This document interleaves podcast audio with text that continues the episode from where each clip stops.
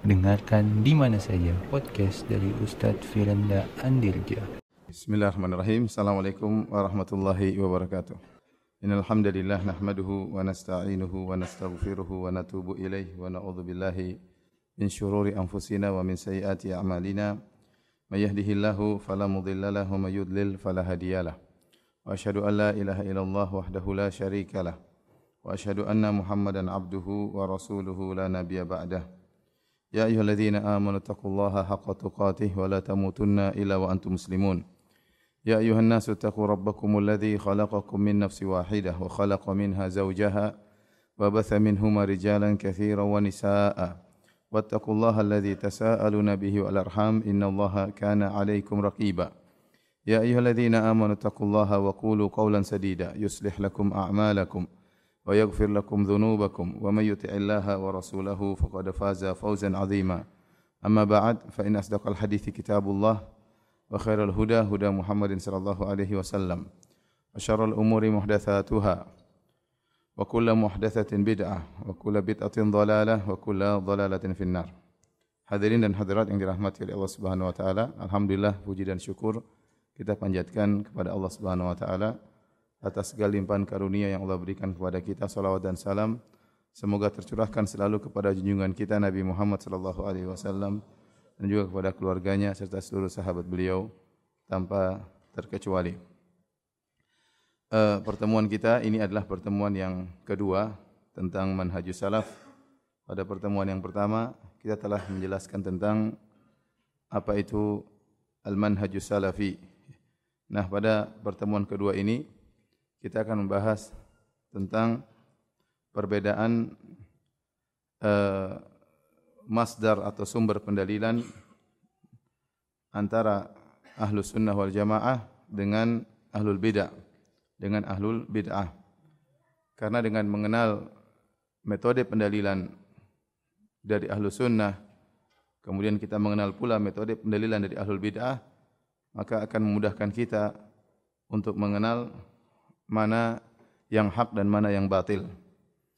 Pembahasan ini terasa lebih penting lagi terutama di zaman sekarang ini yang kathurat al-khutaba para pembicara semakin banyak, para orator semakin banyak sehingga setiap orang bisa berbicara tentang agama. Bahkan betapa banyak orang yang hobi untuk berkomentar tentang masalah agama. Didukung dengan adanya medsos, dengan adanya internet sehingga banyak pemikiran yang tersebar banyak pendapat yang tersebar, banyak orang dikenal sebagai khatib, banyak orang tiba-tiba muncul sebagai dai. Sementara mungkin kita tidak jelas apakah dia berbicara dengan benar atau berbicara dengan kebatilan. Maka kita sebagai ahlu sunnah, ya, terutama orang awam ahlu sunnah, harus memiliki barometer untuk mengenal mana yang pembicaraannya, pendalilannya tepat dan mana yang pembicaraannya tanpa pendalilan yang benar. Maka perlu kita mengenal metode ahlu sunnah dalam pendalilan dan juga metode ahlul bid'ah dalam pendalilan. Dan sebagaimana kita ketahui bahwasanya bid'ah terus berkembang di zaman uh, salaf dahulu muncul bid'ah dan bid'ah terus berkembang hingga zaman sekarang ini. Walikulli qaumin warith dan masing-masing kaum ada ahli warisnya yang mewarisi ahlu sunnah. Ada yang mewarisi ahlul bid'ah juga ada. Oleh kerana Ibn Taimiyah rahimahullah pernah berkata, "Fal bid'ah takunu fi awwaliha shibran." Bid'ah di awalnya hanyalah sejengkal, thumma takthuru fil atba'. Kemudian pengikutnya semakin parah. Semakin bertambah-tambah bid'ah bid'ahnya hatta tasira azru'an sampai akhirnya menjadi sehasta wa amyalan kemudian menjadi bermil-mil wa farasikh dan lebih panjang lagi.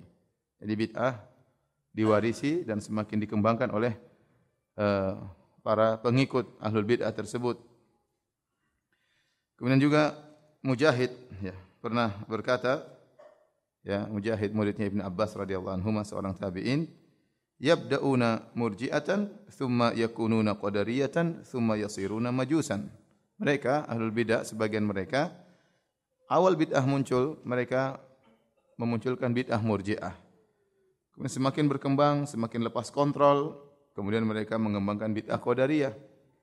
Semakin lepas kontrol, lepas kontrol akhirnya mereka seperti bid'ahnya orang-orang Majus ya.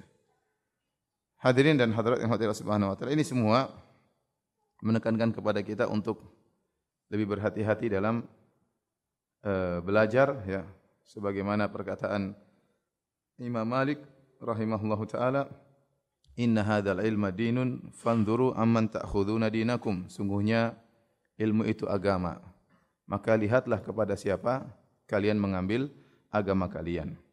Kalau kita tatkala belajar ilmu dunia kita selektif kita memilih mana guru yang tepat mana yang mengajarkan fisika dengan barometer yang benar dengan standarisasi yang benar yang mengajar kimia dengan standar ilmu yang tepat kalau kita sakit kita juga memilih-milih ya.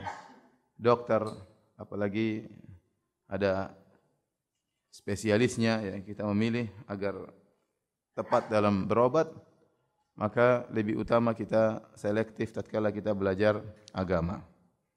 Ya karena berkaitan dengan keyakinan yang akan kita bertemu Allah dengan keyakinan tersebut. Maka seorang berusaha Eh, memilah-milih selektif dalam belajar ilmu agama terutama dalam masalah akidah agar dia tidak terjebak dalam akidah yang batil ya. Sebagaimana saya katakan bahwasanya akidah-akidah bid'ah masih berkembang sampai sekarang. Yang meneruskan mazhab Jahmiyah masih banyak. Yang menggaungkan mazhab Qadariyah Mu'tazilah masih banyak yang menyerukan mazhab Murji'ah juga masih banyak yang memperjuangkan madhab khawarij juga masih banyak. Apalagi kalau kita bicara yang memperjuangkan madhab syiah, lebih banyak lagi. Karenanya, tentu kita harus memiliki standarisasi untuk bisa membedakan mana yang di atas jalan kebenaran dan mana di atas jalan kebatilan. Hadirin dan hadirat yang dirahmati Allah Subhanahu wa taala, ya. Sekali lagi saya katakan ini pertemuan kita yang kedua. Pertemuan pertama saya jelaskan panjang lebar tentang uh, kebenaran manhajus salaf. Maka ini hanya sekedar kelanjutan ya. Taib. Pembahasan yang pertama yang akan kita bahas adalah tentang manhaj ahli sunnah fil istidlal. Tentang bagaimana ahli sunnah dalam berdalil. Dalam berdalil. Uh, ahli sunnah wal jamaah secara global mereka menjadikan sumber pendalilan mereka kepada Al-Quran dan Sunnah dan Ijma. Al-Quran dan Sunnah dan Ijma. Kemudian namanya kias. Kias ada khilaf di kalangan para ahlu sunnah. Jumhur ahlu sunnah mengatakan kias juga bisa dijadikan dalil jika memenuhi persyaratan. Dan eh, pendalilan mereka dengan tiga atau empat hal ini, Al-Quran dan Sunnah dan Ijma serta kias, ya bisa terfokuskan pada tiga perkara ya.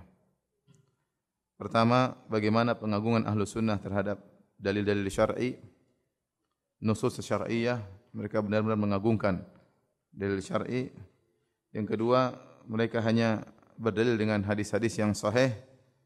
Dan yang ketiga, mereka benar dalam memahami dalil-dalil tersebut, yaitu mengagungi atau mengagungkan nas-nas syar'i yang kedua tidak berdalil kecuali dengan hadis-hadis yang sahih selain Al-Quran. Kemudian hadis yang sahih. Yang ketiga memahami uh, nas-nas tersebut dengan pemahaman yang benar. Inilah kesimpulan dari manhajus salaf. Ya. Berdalil dengan Al-Quran dan Sunnah dengan pemahaman para salaf. Baik. Uh, adapun mengagungkan dalil-dalil baik dari Al-Quran maupun Sunnah, ya maka telah diisyaratkan dalam banyak ayat. Di antaranya Allah berfirman, Ya. Zalika wa may yu'azzim hurumatillah fa huwa khairun lahu 'inda rabbih. Dan demikian itu barang siapa yang mengagungkan hurumat yaitu perkara-perkara ya syariat Allah Subhanahu wa taala maka itu lebih baik baginya di sisi Rabbnya.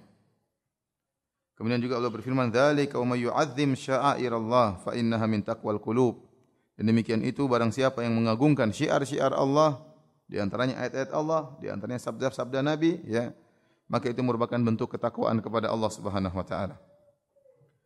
Allah juga firman, "Inna makana qaulal mu'minina idza du'u ila Allah wa rasulih liyahkuma bainahum an yaqulu sami'na wa ata'na wa ulaika humul muflihun." dan hanyalah perkataan orang-orang beriman jika mereka disuruh kepada Allah dan Rasulnya ya, agar menghukum di antara mereka, maka mereka berkata sami'na wa ata'na, kami dengar dan kami taat. Kalau sudah datang ayat Allah, sudah datang hadis Nabi SAW, tidak ada pilihan lain, mereka hanya berkata sami'na wa ata'na, kami dengar dan kami taat. Wa ulaika humul muflihun dan mereka itulah orang-orang yang jaya, yang beruntung. Allah melarang jangan sampai seorang mendahului perkataan Allah dan Rasulnya. Kata Allah, Ya ayyuhalladzina amanu, la tuqaddimu baina yadayillahi wa rasulih, wattaqullah. Ya, wahai orang-orang beriman, janganlah kalian mendahului perkataan Allah dan perkataan Rasulnya. Wattaqullah, bertakwalah kepada Allah subhanahu wa ta'ala. Allah juga berfirman, Wa ma kana li mu'minin wa la mu'minatin, idha qadallahu wa rasuluhu amran, an yakuna lahumul khiyaratu min amrihim tidak pantas bagi seorang mukmin atau seorang wanita mukminah jika Allah dan Rasulnya telah memberi keputusan dia punya pilihan yang lain. Tak boleh. Dia harus ridha dengan keputusan Allah. Dia harus ridha dengan keputusan Rasulullah sallallahu alaihi wasallam. Dia ridha Allah sebagai Tuhannya, dia ridha Muhammad sebagai nabinya. Sebagai bukti dia ridha Allah sebagai Tuhannya, Muhammad sebagai nabinya, dia berkata raditu billahi rabba wa bil islami dina wa Muhammadin nabiyan wa rasulan. Aku ridha Allah sebagai Rabbku, aku ridha Islam sebagai agamaku, aku ridha Muhammad sebagai nabiku artinya aku ridha kalau ada keputusan mereka aku akan tunduk kepada keputusan tersebut. Tidak ada pilihan lain bagiku. Bahkan Allah tegaskan fala wa rabbika la yu'minun. Demi rabbmu. Demi rabbmu kata Allah Subhanahu wa taala. Tes tes. Hadirin hadirat yang saya Allah Subhanahu wa taala bahkan Allah bersumpah dengan dirinya sendiri. Kata Allah fala wa rabbika. Demi rabbmu wahai Muhammad la yu'minun. Mereka tidaklah beriman. Hatta yuhaqqimuka fi ma syajara bainahum. Sampai mereka menjadikan engkau hakim di antara perkara yang mereka perselisihkan. Thumma la yajidu fi anfusihim haraja mimma qadait wa yusallimu taslima. Bukan cuma itu. Mereka menjadikan engkau hakim kemudian mereka tidak mendapati dalam diri mereka ya rasa tidak puas rasa mengganjal sama sekali. Tidak ada. Wa yusallimu taslima dan mereka terima dengan pasrah keputusanmu ini tanda seorang beriman kepada Allah dan tanda beriman kepada Rasulullah sallallahu alaihi wasallam. Karenanya kita dapati para salaf dahulu mereka sangat mengagungkan sabda-sabda Nabi sallallahu alaihi wasallam. Sebagaimana diriwayatkan dalam sebagian dari sebagian sahabat seperti uh, dialog antara Ibn Umar dengan putranya Ibn Umar radhiyallahu taala pernah bersabda pernah menyampaikan sabda Nabi. Dia berkata sami'tu Rasulullah sallallahu yaqul. Aku mendengar Rasulullah sallallahu bersabda la tamna'u nisa'akumul masajida idza sta'dhankum ilaiha. Ya. Janganlah kalian melarang para wanita untuk ke masjid jika mereka minta izin kepada kalian ke masjid. Faqala bilal bin abdullah berkata putranya bilal bin abdullah Wallahi lanamna'ahunna. Demi Allah kami akan melarang istri-istri kami. Jangan ke masjid. Fa aqbala alaihi Abdullah fasabbahu sabban sayyi'an. Maka Abdullah balik menghadap putranya tersebut. Kemudian dia maki putranya dengan makian yang buruk. Kata sang perawi, yaitu Abdullah. Uh, sang perawi berkata, Ma sami'tuhu sabbahu mislahu qat. Aku tidak pernah mendengar Ibnu Umar memakinya seperti itu. Kemudian Ibnu Umar berkata, "Ukhbiruka an Rasulillah wa taqulu lanamna'ahunna?" Aku mengabarkan engkau dari Rasulullah dan kau menantang dengan berkata, "Aku akan melarang para wanita." Nabi bilang jangan melarang, kau bilang aku akan melarang. Ya, jadi tegas terhadap orang yang ingin menentang sabda Nabi sallallahu alaihi wasallam bahkan putranya pun dia kerasi. Demikian Abdullah bin Mughaffal radhiyallahu anhu dia melihat seorang dari kawan-kawannya yakhdhif yaitu uh, mengutik batu untuk berburu ya. Dan itu dilarang oleh Nabi sallallahu alaihi wasallam. Nabi tidak suka berburu dengan cara demikian. Ya maka dia ingatkan bahwasanya Nabi sallallahu alaihi wasallam melarang berburu dengan cara mengutik demikian. Fa innahu la yastadu bihi sayd wa la inkau bil adu karena mengutik itu tidak membuat buruan tertangkap ya dan juga tidak mematikan musuh ya. Walakinnahu yaksiru sin wa yakful ain tetapi hanya sekedar mematahkan gigi misalnya atau hanya sekedar melukai mata, ya tidak ada manfaatnya. Dia sampaikan hadis tersebut kepada kawannya. Ternyata kawannya tersebut masih saja melakukan demikian. Maka dia pun marah. Abdullah bin Mughaffal dia berkata, "Ukhbiruka anna Rasulullah SAW kana yakrah atau yanha 'anil hadaf, thumma araka tahdhif. La ukallimuka kadza wa kadza." Ya. Kata dia, "Aku kabarkan kepada engkau Nabi melarang demikian dan kau tetap melakukannya, ya aku tidak akan ngomong dengan engkau sekian dan sekian." Sudah di boykot, tidak mau diajak apa? Ngomong. Karena menentang hadis Nabi sallallahu alaihi wasallam.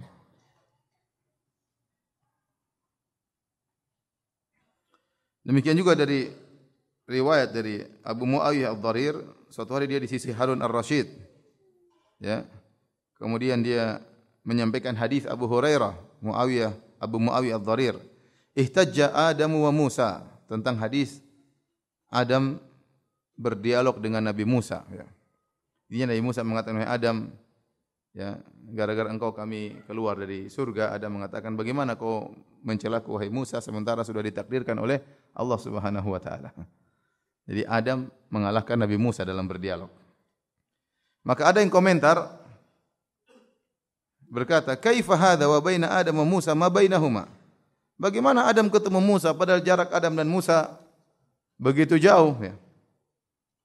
Fawathaba Harun maka Harun Ar-Rasyid kemudian bangkit dan dia berkata, "Yuhaddithu ka an Rasulillah sallallahu alaihi wasallam wa tu'aridu bi kaifa?" Ini orang Abu Muayyad Dharir menyampaikan hadis kepada engkau, kau menentangnya dengan berkata, "Kok bisa? Kok bisa?" Fama zala yaqulu hatta sakata anhu. Dibantah terus oleh Harun Ar-Rasyid ya. Jadi komentar dengan tidak sopan. Bagaimana bisa Adam ketemu dengan Musa ya?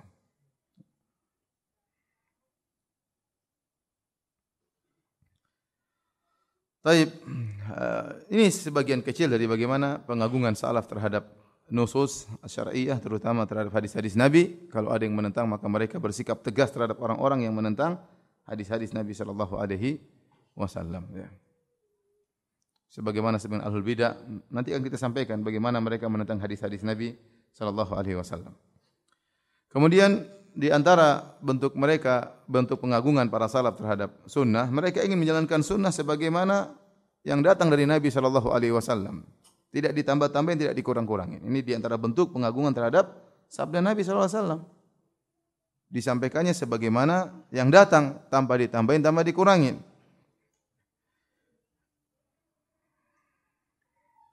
Suatu hari ada seorang bersin di sisi Ibnu Umar radhiyallahu taala anhuma.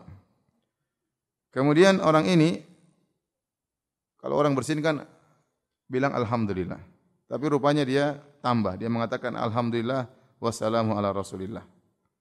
Jadi zikir bersinnya ditambah Alhamdulillah sama salawat kepada salam kepada Nabi sallallahu alaihi wasallam. Dan tidak ada yang ragu bahwasanya salawat dan salam kepada Nabi adalah suatu yang baik, sangat dianjurkan. Kita boleh bersalawat dan salam kepada Nabi setiap saat. Dan Allah perintahkan dalam Al-Quran. Ya. Sallu wa sallimu taslima. Ya.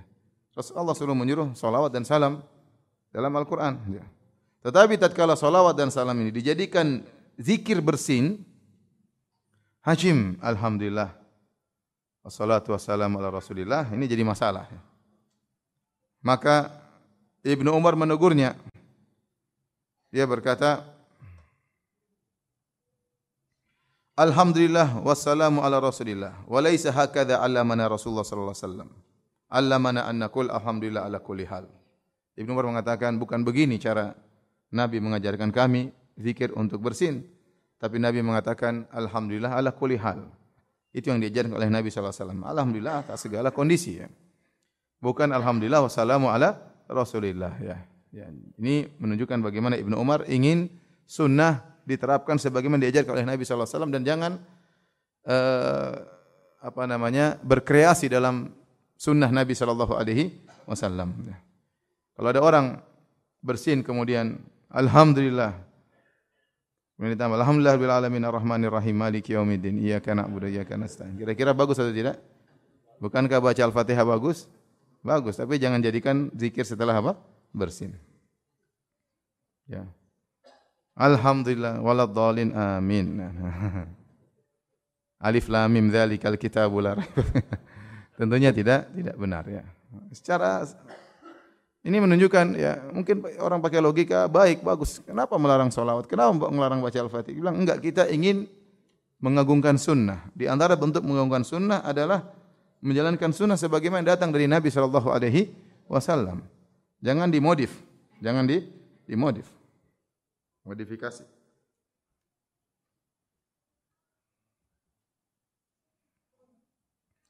Dari Ibnu Jurayj, anna Tawusan akhbarahu Tawus rahimahullah mengabarkan annahu sa'ala Abdullah bin Abbas ani rakaatain. Tawus muridnya Ibnu Abbas. Dia berkata, saya pernah bertanya kepada Ibnu Abbas tentang salat dua rakaat ba'dal asar, dua rakaat setelah asar. Fanahaha fanahahu anhuma, maka Ibnu Abbas melarang. Enggak ada salat ba'di apa? Asar. Fakultu lahu maka Tawus berkata, aku berkata kepada Ibnu Abbas, ma ada auhuma, aku tidak akan meninggalkan dua rakaat setelah asar. Aku akan terus melakukannya. Maka Ibnu Abbas berkata, menegur dengan halus, wa ma kana lil mu'minin wala mu'minatin idza qada Allahu wa rasuluhu amran an yakuna lahumul khiyaratu min amrihim. Wa may ya'si Allah wa rasulahu faqad dhalla dhalalan mubina.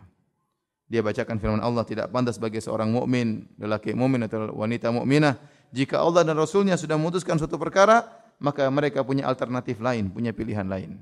Barang siapa bermaksiat kepada Allah dan Rasulnya, maka sungguh dia telah sesat dengan kesatan yang yang nyata. Demikian juga, semisal ini, Sa'id ibn al-Musayyib, seorang ulama tabi'in, dia melihat seorang laki solat setelah uh, terbit fajar, lebih dari dua rakaat. Ya, namanya solat qobliyah fajar, berapa rakaat? Cuma cuma dua. Ya. Tapi orang ini solat lebih dari dua rakaat. Dia memperbanyak ruku, memperbanyak sujud. Maka dia tegur. Fanahahu. Maka Ibn al-Musayib menegurnya. Faqala, maka orang ini ngayal. Dia berkata, Ya Aba Muhammad, wahai Ibn al-Musayib. Yu'adzibuni Allahu ala salat. Apakah Allah akan mengadabku gara-gara aku salat? Saya kan salat, apa salahnya? Ya. Apakah Allah akan mengadabku gara-gara aku sujud kepada Allah Subhanahu wa taala? Faqala la kata Ibnu Musayyib tidak Allah tidak akan mengadabmu karena engkau salat. Walakin yu'adzibuka ala khilafi sunnah tapi Allah akan mengadabmu karena kau menyelisih sunnah Nabi sallallahu alaihi wasallam. Demikian juga ada seorang berkata kepada Imam Malik bin Anas rahimahullah, "Ya Abu Abdullah, min aina uhrim?" Wahai Abu Abdullah, dari mana aku berihram? Faqala Malik, karena dia penduduk kota Madinah, kata Imam Malik, min dhil hulaifah. Kalau kau ingin ihram, mikotnya penduduk kota Madinah di dhul hulaifah. Min haithu ahramar Rasul sallallahu alaihi wasallam. Disitulah Nabi berihram, bermikot. Di dhul hulaifah, yang orang bilang sekarang Bir Ali. Faqala inni uridu an uhrim minal masjid min indil qabr. Aku ingin ihramnya lebih jauh lagi sebelumnya. Dari Masjid Nabawi di sisi kubur Nabi sallallahu alaihi wasallam. Maka Imam Malik berkata, La taf'al fa inni akhsha alaikal fitnah. Jangan kau lakukan. Aku khawatir kau terkena fitnah. Ya. Jadi kan jarak dari Masjid Nabawi ke Dhul Hulaifah, ya, saya lupa berapa belasan kilo atau 10 kilo lebih kurang lebih atau belasan kilo. Ya. Kemudian dari Dhul Hulaifah ke Ka'bah ya sekitar 450 kilo. Ya. Seharusnya dia mikotnya di Dhul Hulaifah, tapi dia ingin lebih jauh lagi. 10 kilo atau belasan kilo lebih jauh lagi yaitu dari Masjid Nabawi. Ini tidak boleh tentunya ya. melanggar sunnah. Maka Imam Malik berkata, "La taf'al fa inni akhsha 'alaika al-fitnah." Jangan kau lakukan, aku khawatir kau terkena fitnah. Maka dia mengayal. Dia mengatakan, "Wa ayu fitnatin fi hadha?" Fitnah apa emang begini? Emang fitnah apa yang akan mengenaiku? Inna mahi amyal azidu hanya beberapa kilo aku tambah saja. Beberapa mil aku tambah. Ada fitnah apa cuma nambah beberapa mil sebelum mikot? Maka Imam Malik berkata, Perhatikan. Wa ayu fitnatin a'zamu min antara annaka sabaqta ila fadilatin qassara anha Rasulullah sallallahu alaihi wasallam. Imam Malik mengatakan, fitnah apa lagi yang lebih besar daripada engkau menyangka engkau melakukan suatu keutamaan yang Nabi tidak melakukannya.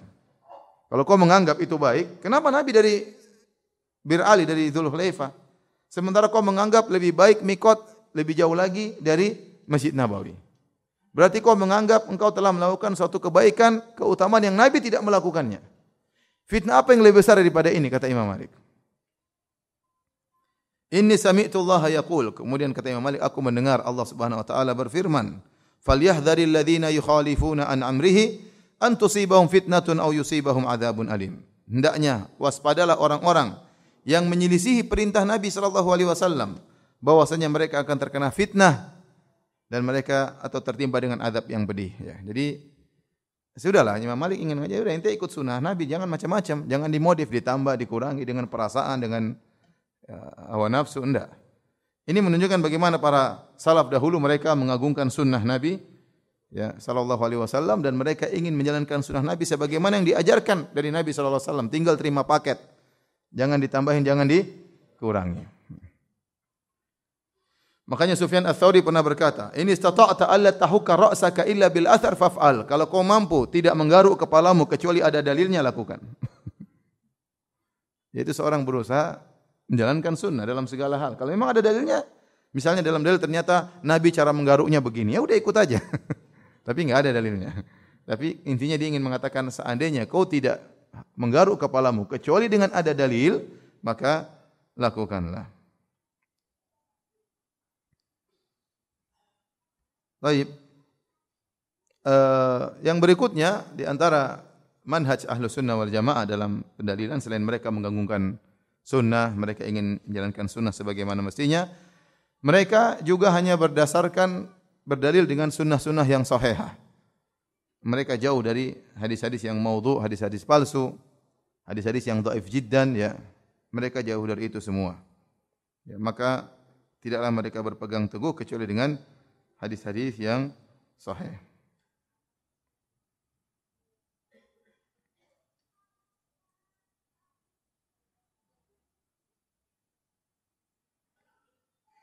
Dahulu di zaman para sahabat semua hadis sahih.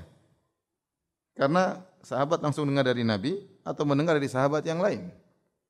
Demikian juga kalangan tabi'in, belum belum muncul orang-orang pendusta, orang-orang zanadik, orang-orang zindiq sehingga hadis tersebar begitu saja. Oleh karenanya Ibnu Abbas pernah berkata, "Inna kunna marratan idza sami'na rajulan yaqul qala Rasulullah wasallam ibtadaratuhu absaruna wa asghayna ilaihi bi adhanina. Kami dahulu kalau kami sekali saja mendengar seorang berkata qala Rasulullah sallallahu alaihi wasallam Rasulullah sallallahu bersabda, kami langsung memandangnya, kami langsung konsentrasi mendengar apa yang hendak dia ucapkan. Karena pasti sahih, pasti dari Nabi. Sallallahu alaihi wasallam, falamma rakiban nasu sa'ba wa dzalul, namun tatkala orang-orang mulai naik onta yang sulit dinaiki atau onta yang mudah dinaiki. Artinya orang mulai tersebar, orang berani dusta, orang berani menipu, berbohong, ya, melakukan perkara yang tercela, perkara yang dipuji.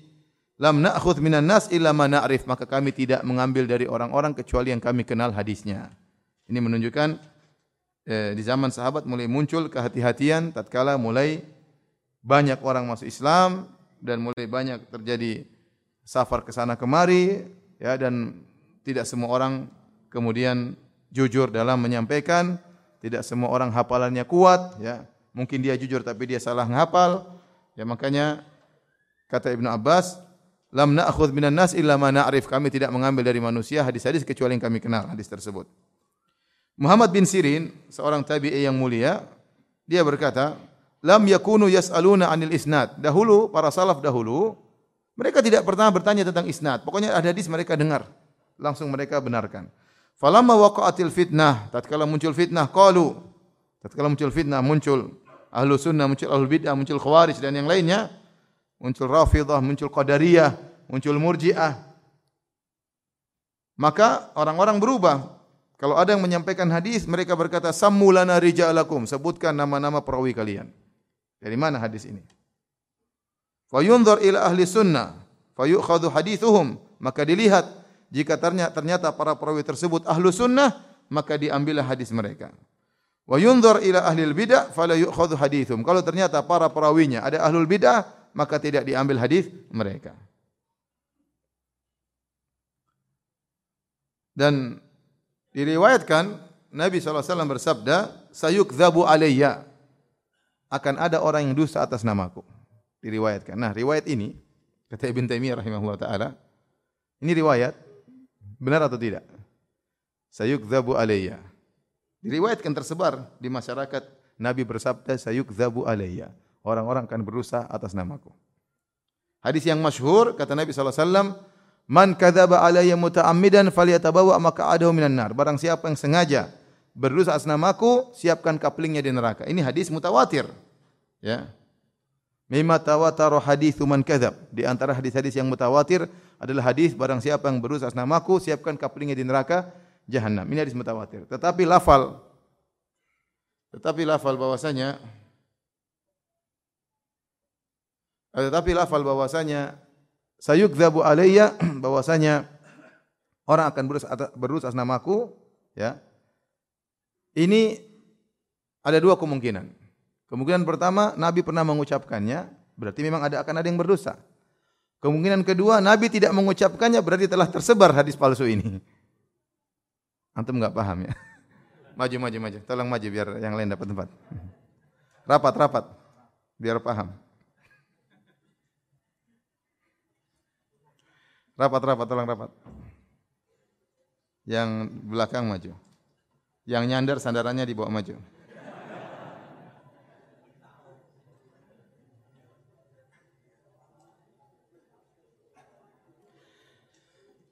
Saya ulangi hadis yang masyhur hadis mutawatir kata Nabi man kadzaba alayya muta'ammidan. Barang siapa sengaja berutas namaku siapkan kaplingnya di neraka. Ya hadis ini hadis mutawatir. Nabi pernah mengucapkannya jelas diriwayatkan oleh 10 sahabat lebih. Nabi mengatakan ancaman barang siapa berutas namaku. Ini ancaman hadisnya sahih. Tapi ada hadis Nabi mengatakan sayuk zabu alayya. Akan ada orang berutas namaku. Kata Ibn Taimiyah rahimahullah dalam Minhajus Sunnah Nabawiyah, ini hadis dua kemungkinan. Hadis yang lafal yang kedua akan ada orang yang berusaha namaku. Kalau hadisnya sahih, berarti benar akan datang pada pendusta yang berusaha nama Nabi sallallahu alaihi wasallam. Kalau hadisnya palsu, telah terjadi pemalsuan terhadap hadis Nabi sallallahu alaihi wasallam dan ternyata benar. Banyak orang yang berdusta Nabi atas Nabi sallallahu alaihi wasallam. Ada yang mengaku setelah bertobat dia telah berdusta mendustakan ribuan hadis, memalsukan ribuan hadis. Oleh karenanya eh, para ulama ahlul hadis ya mereka berusaha memilah-milih hadis. Misalkan mana hadis sahih, mana hadis dhaif. Karena hadis dhaif banyak sekali. Ya. Dalam satu dalam satu riwayat Imam Imam Bukhari mengatakan aku hafal 100 ribu hadis sahih dan 200 ribu hadis dhaif. banyak ya. Dan hadis sahih sudah cukup. Kata Ibnu Mubarak rahimahullahu taala, sahihul hadis syughlun an saqimihi. Hadis yang sahih sudah cukup, tidak perlu hadis yang dhaif. Kita enggak perlu hadis dhaif. Hadis sahih sudah cukup untuk bisa kita beragama dengan dengan baik. Tidak perlu kita memerlukan hadis-hadis yang dhaif.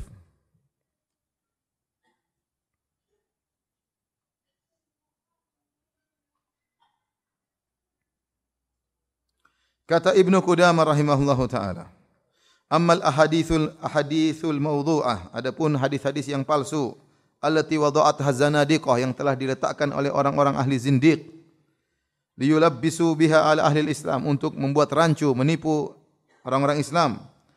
Awil ahaditsu dhaifatu atau hadis-hadis yang dhaif karena hadis dhaif bertingkat-tingkat. Ada yang dhaif, ada yang dhaif jiddan, ada yang palsu, ya. Ini bertingkat-tingkat. Imma li dha'fi ruwatiha au jahalatihim. Bisa jadi perawinya dhaif atau karena majhul tidak dikenal. Au li allatin fiha atau karena ada illah penyakit dalam hadis tersebut sehingga menjadikannya dhaif fala yujuzu an yuqal biha. Maka tidak boleh berpendapat dengan hadis dhaif tersebut. Wala i'tiqadu ma fiha. Dan tidak boleh meyakini apa yang dalam hadis tersebut. Bal wujuduha ka adamiha. Akan tapi keberadaannya seperti tidak ada. Ini uh, dijelaskan oleh para para ulama.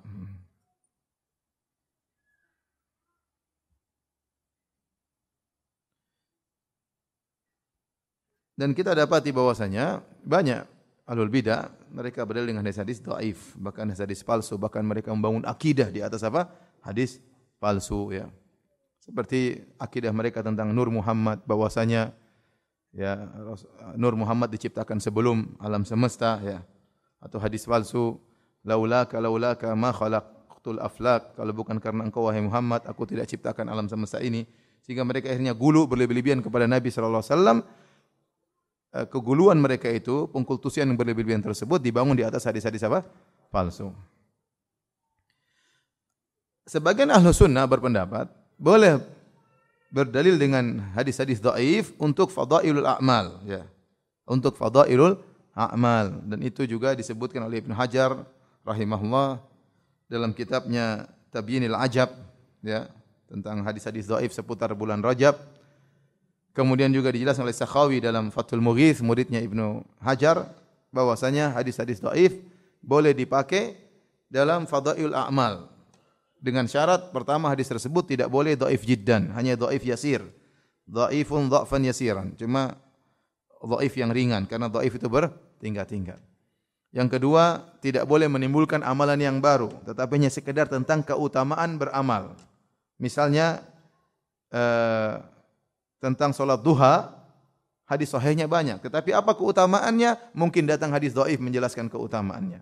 Maka ini boleh kita sampaikan ya, selama hadisnya tidak terlalu dhaif, tetapi amalannya sudah ada. Adapun dengan hadis dhaif membuat amal baru tidak boleh. Tidak boleh. Kemudian yang ketiga, tidak boleh la yushahar bihi kata kata Ibn Hajar tidak boleh di dimasyhurkan tidak boleh karena nanti didengar oleh orang awam disangka ini hadis sahih maka tidak boleh dimasyhurkan kalaupun dimasyhurkan tentunya dijelaskan tentang kedhaifannya yang keempat yang mengamalkannya tidak boleh meyakini ini dari Nabi sallallahu alaihi wasallam ini empat syarat disebutkan oleh Ibn Hajar dalam kitabnya Tabiinul Ajab kemudian juga dalam oleh Sakha dalam Fathul Mughith jadi bukan boleh hadis dhaif secara mutlak. Boleh sebagian ulama membolehkan, sebagian ulama tidak boleh secara mutlak. Yang membolehkan mempersyaratkan hanya pada fadhil amal ya. Yang kedua, hadisnya tidak boleh apa namanya? terlalu dhaif, hanya dhaif yang ringan. Yang ketiga tidak boleh meyakini dari Nabi sallallahu alaihi wasallam. Yang keempat tidak boleh dimasyhurkan. Intinya tidak boleh menimbulkan amal baru. Hanya sekedar menjelaskan amal yang sudah ada dalilnya tentang keutamaannya saja. Banyak hadis seperti ini, seperti tentang haji. Haji banyak, haji rukun Islam. Hadis-hadis tentang keutamaan haji banyak, ada yang sahih, ada yang dhaif.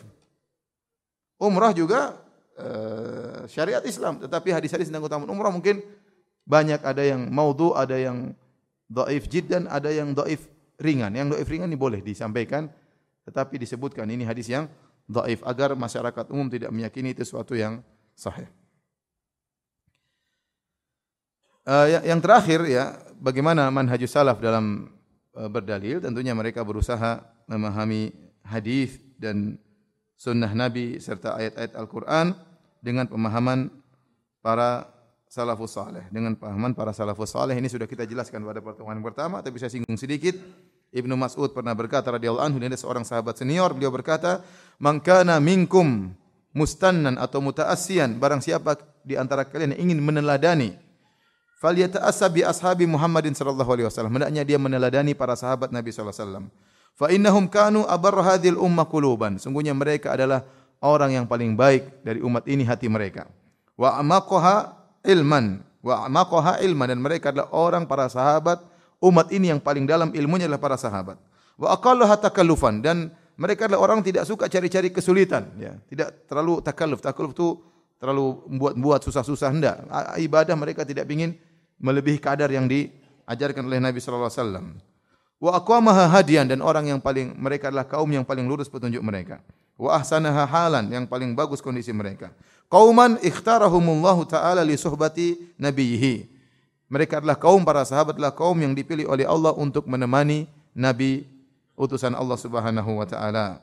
Fa'rifu lahum fadlahum maka kenalilah keutamaan mereka wattabi'u fi atharihim wattabi'uhum fi atharihim ikutilah mereka dalam athar mereka dalam teladan mereka fa innahum kanu alal hudal mustaqim sungguhnya para sahabat di atas jalan yang lurus ya. dan uh, cukup perkataan Imam Malik rahimahullahu taala dia mengatakan kaidah yang indah ya uh, dia mengatakan di antaranya ya la lan yuslihu hadhil umma illa bima saluha awaluha. Umat ini tidak akan bisa baik kecuali dengan apa yang telah memperbaiki generasi pertama. Beliau berkata juga, "Fama lam yakun yauma idzin dinan falan yakuna al yauma dina." Apa yang di zaman sahabat bukan agama, zaman sekarang juga bukan agama. Jadi kita tidak berbicara tentang perkara dunia. Perkara dunia silakan berinovasi, berkreasi silakan, ya. Bermodifikasi silakan. Tetapi kalau perkara agama, Cukup perkataan Imam Malik, faman lak, faman lam yakun yauma idzin falan yakun al yauma dina. Apa yang di zaman Nabi bukan agama, zaman sekarang juga bukan agama. Karena enggak mungkin tiba-tiba di zaman sekarang jadi agama sementara di zaman Nabi tidak ada yang melakukannya. Aneh. Kalau sekarang dianggap agama padahal di zaman dahulu bukan agama berarti nah agamanya Nabi dahulu waktu Nabi meninggal dunia belum sempurna. Maka ada orang datang sekarang menyempurnakannya dengan menambah nambah ajaran tersebut ya. Ada perkara-perkara yang di zaman Nabi tidak ada sekarang menjadi wajib, subhanallah. Dan itu ada. Ya. Di zaman Nabi enggak ada, Nabi tidak pernah melakukannya, para sahabat tidak melakukannya, sekarang jadi wajib. Kalau orang tidak melakukannya dicela, dicerca, dimusuhi. Bagaimana Anda bisa mengatakan ini wajib sementara di zaman Nabi tidak dilakukan? Ya. Maka ingat-ingat perkataan Imam Malik. Faman lam yakun yauma idzin dinan falan yakun al yauma dinan. Apa yang di zaman Nabi bukan agama, zaman sekarang juga bukan agama. Dan kita berusaha memahami agama ini dengan pemahaman para uh, sahabat, para salaful ummah, mereka yang lebih paham tentang uh, maksud dari tujuan dan tujuan Rasulullah sallallahu alaihi wasallam. Taib. Kemudian uh, di antara cara mereka memahami nusus Al-Qur'an maupun sunnah selain dengan pemahaman para salaf, mereka juga menjamakkan dalil-dalil yang ada. Jadi dalil-dalil mereka kumpulkan berkaitan dengan satu bab dikumpulkan seluruhnya.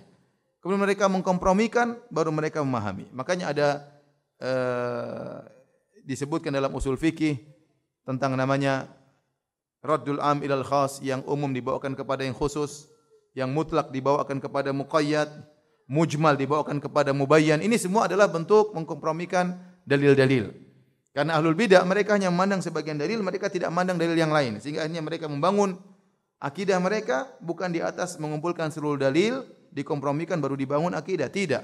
Mereka lihat satu ujung dalil, satu bagian dalil, mereka lupakan bagian yang lain.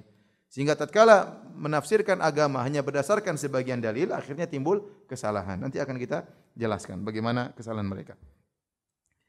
Taib hadirin dan hadirat yang Allah Subhanahu wa taala itu tadi sekilas tentang uh, metode pendalilan Ahlus Sunnah wal Jamaah saya ulangi yaitu mereka mengagungkan hadis-hadis Nabi sallallahu alaihi wasallam kemudian mereka berusaha menjalankan hadis-hadis Nabi sesuai dengan uh, yang datang dari Nabi tanpa ditambah-tambah dan dikurang-kurangin ya Eh, kemudian yang ketiga mereka hanya berdalil dengan hadis-hadis yang apa yang sahih. Kemudian mereka berpemahaman dengan pemahaman para uh, salaf. Dan yang kelima mereka berusaha mengumpulkan seluruh dalil baru mereka ambil kesimpulan dari dalil tersebut dikompromikan digabungkan baru jelas apa maksud dari dalil-dalil tersebut. Adapun metode ahlul bidah. Metode ahlul bidah uh, terfokus pada tiga metode. Metode pertama yaitu menolak nas-nas syar'i yang tidak sesuai dengan hawa nafsu mereka dan mereka nekat untuk menolaknya.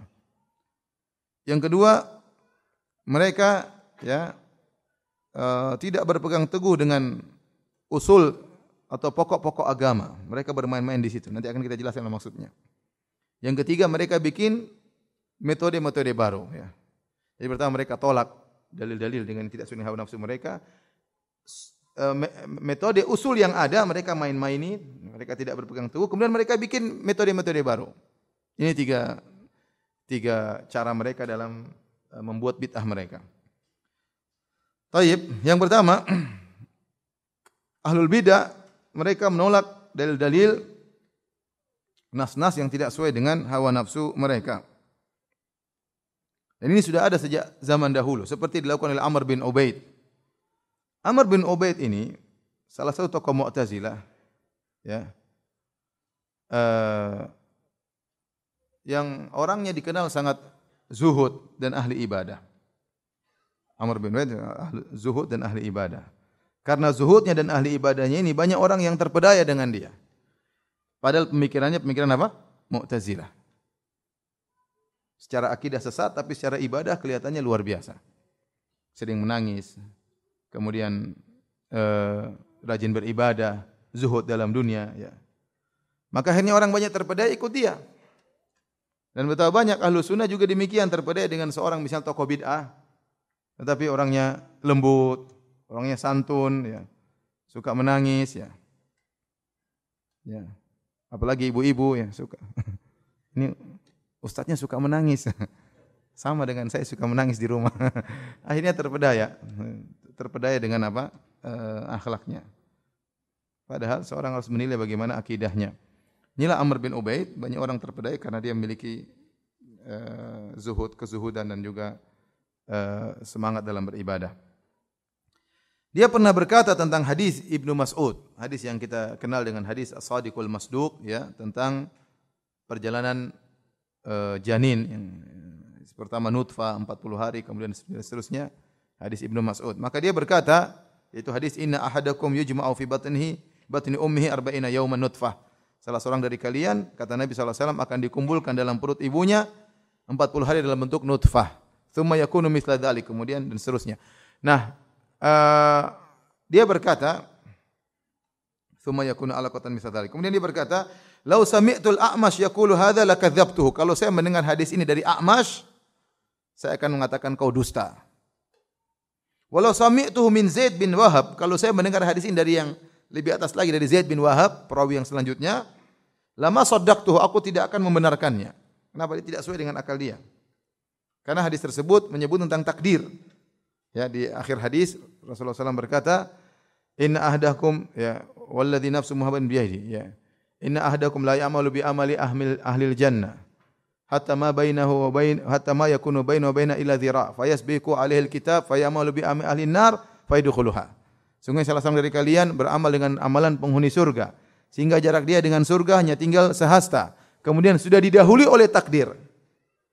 Maka di penghujung hayatnya dia beramal dengan amalan penghuni neraka, lantas dia masuk neraka. Ini tidak sesuai dengan akidahnya Amr bin Ubaid yang dia Qadariyah. Mu'tazilah Qadariyah. Dia menolak takdir. Maka dia berkata, seandainya saya mendengar hadis ini dari A'ma, saya akan dustakan dia. Kalau saya dengar dari uh, Zaid bin Wahab, saya akan dustakan dia. Kalau saya dengar dari Ibnu Mas'ud radhiyallahu anhu mengucapkan ini, saya akan saya tidak akan terima. Walau sami'tu Rasulullah SAW yaqulu hadza la radattuhu. Kalau saya dengar Nabi mengucapkannya, saya akan tolak. Bayangkan. Walau sami'tu Allah yaqul, kalau seandainya aku mendengar Allah yang mengucapkan ini, la qultu aku akan berkata, laisa ala hadza akhadta mitsaqana. Ya Allah, bukan kau tidak menyuruh kami untuk mengimani yang seperti ini. Jadi dia memang ingin menolak apa? Hadis tidak sesuai dengan otak dia, tidak sesuai dengan akal dia. Demikian juga Amr bin Ubaid Al-Mu'tazili dia pernah berkata, "Lau kana tabbat yada Abi Lahab fi lauhil mahfuz" Kalau firman Allah tabbat yada Abi Lahab sungguh celaka kedua tangan Abu Lahab. Sudah ada di lauhil mahfuz, sudah ditakdirkan, lam yakun lillahi alal ibadi hujjah. Kalau kita Allah tidak punya hujjah untuk menyiksa Abu Lahab. Jadi dia mengingkari takdir. Ya. Otaknya tidak sampai sehingga dia tidak terima ayat-ayat atau hadis-hadis yang menurut dia tidak sesuai dengan akal-akal dia. Ya. Ini contoh ya.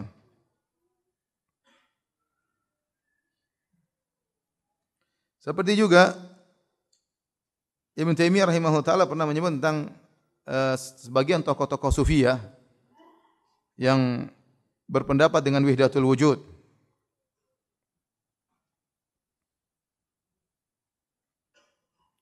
Bahwasanya dia mengatakan orang tersebut mengatakan tokoh sufi tersebut wa haddatsini thiqah alladhi raja anhum lamman kashafa lahu asraruhum annahu yakni atil limsani qara alaihi fusul hikam li ibni arabi jadi bercerita ada orang dapat kasyaf dan yang lainnya atil limsani dibacakan fusul hikam karya ibnu arabi fusul hikam ini buku sesat penuh dengan kesesatan ya karangan ibnu arabi dalam kitab fusul hikam dikatakan Fir'aun masuk surga ya Fir'aun masuk surga karya ibnu arabi saya punya ada bentuk pdf ya Uh, kalau Fir'aun masuk surga, apalagi kita? Jelas masuk surga. Fir'aun saja masuk surga. apalagi kita ya. Maka kata Ibn Taimiyah rahimahullah ta'ala, Hadal kalam yukhaliful Quran. Wahai, kata dia, wahai saudaraku, wahai sufi, perkataan Ibn Arabi ini menyelisih Al-Quran. Bagaimana Fir'aun masuk apa? Surga. Maka dia menjawab, Al-Quran kuluhu syirk. Al-Quran semuanya isinya syirik. Innama tauhid fi kalamina. Ini Ibn Taimiyah pernah berdebat dengan orang seperti ini. Kata orang ini, tauhid itu yang akidah kami yang tauhid.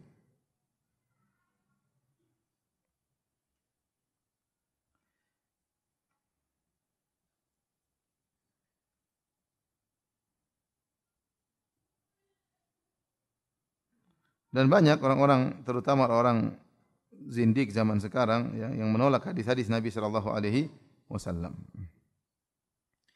Di antara mereka seperti ada seorang tokoh ya Islami yang tatkala disampaikan kepadanya hadis tentang hadis lalat yang kata Nabi sallallahu alaihi wasallam dalam Sahih Al-Bukhari, "Idza waqa'a adz-dzubabu fi ina'i ahadikum falyaghmishu kullahu thumma liyatrahu."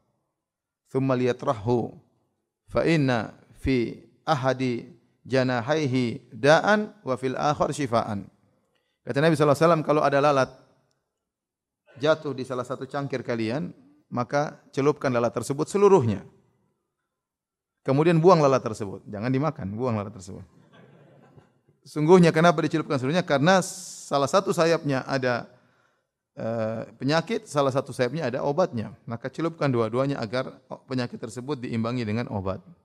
Kata dia, kata orang ini tokoh Islami, saya tidak ingin sebut namanya, ini dia mengatakan, ya kalau saya dengar hadis ini, lebih baik saya memilih pendapat tabib kafir. Ya. Dokter kafir bilang jangan, maka lebih baik saya memilih pendapat dokter apa? Kafir daripada mengamalkan hadis ini. Maksudnya, kalau anda pun tolak tidak usah anda berani demikian menolak sampai lebih baik saya terima perkataan dokter kafir daripada perkataan Rasulullah Sallallahu Alaihi Wasallam. Keberanian dalam menyikapi hadis Nabi Sallallahu Alaihi Wasallam. Jadi mereka menolak hadis-hadis terkadang dengan sikap tegas seperti itu ya, ya karena tidak sesuai dengan akal mereka.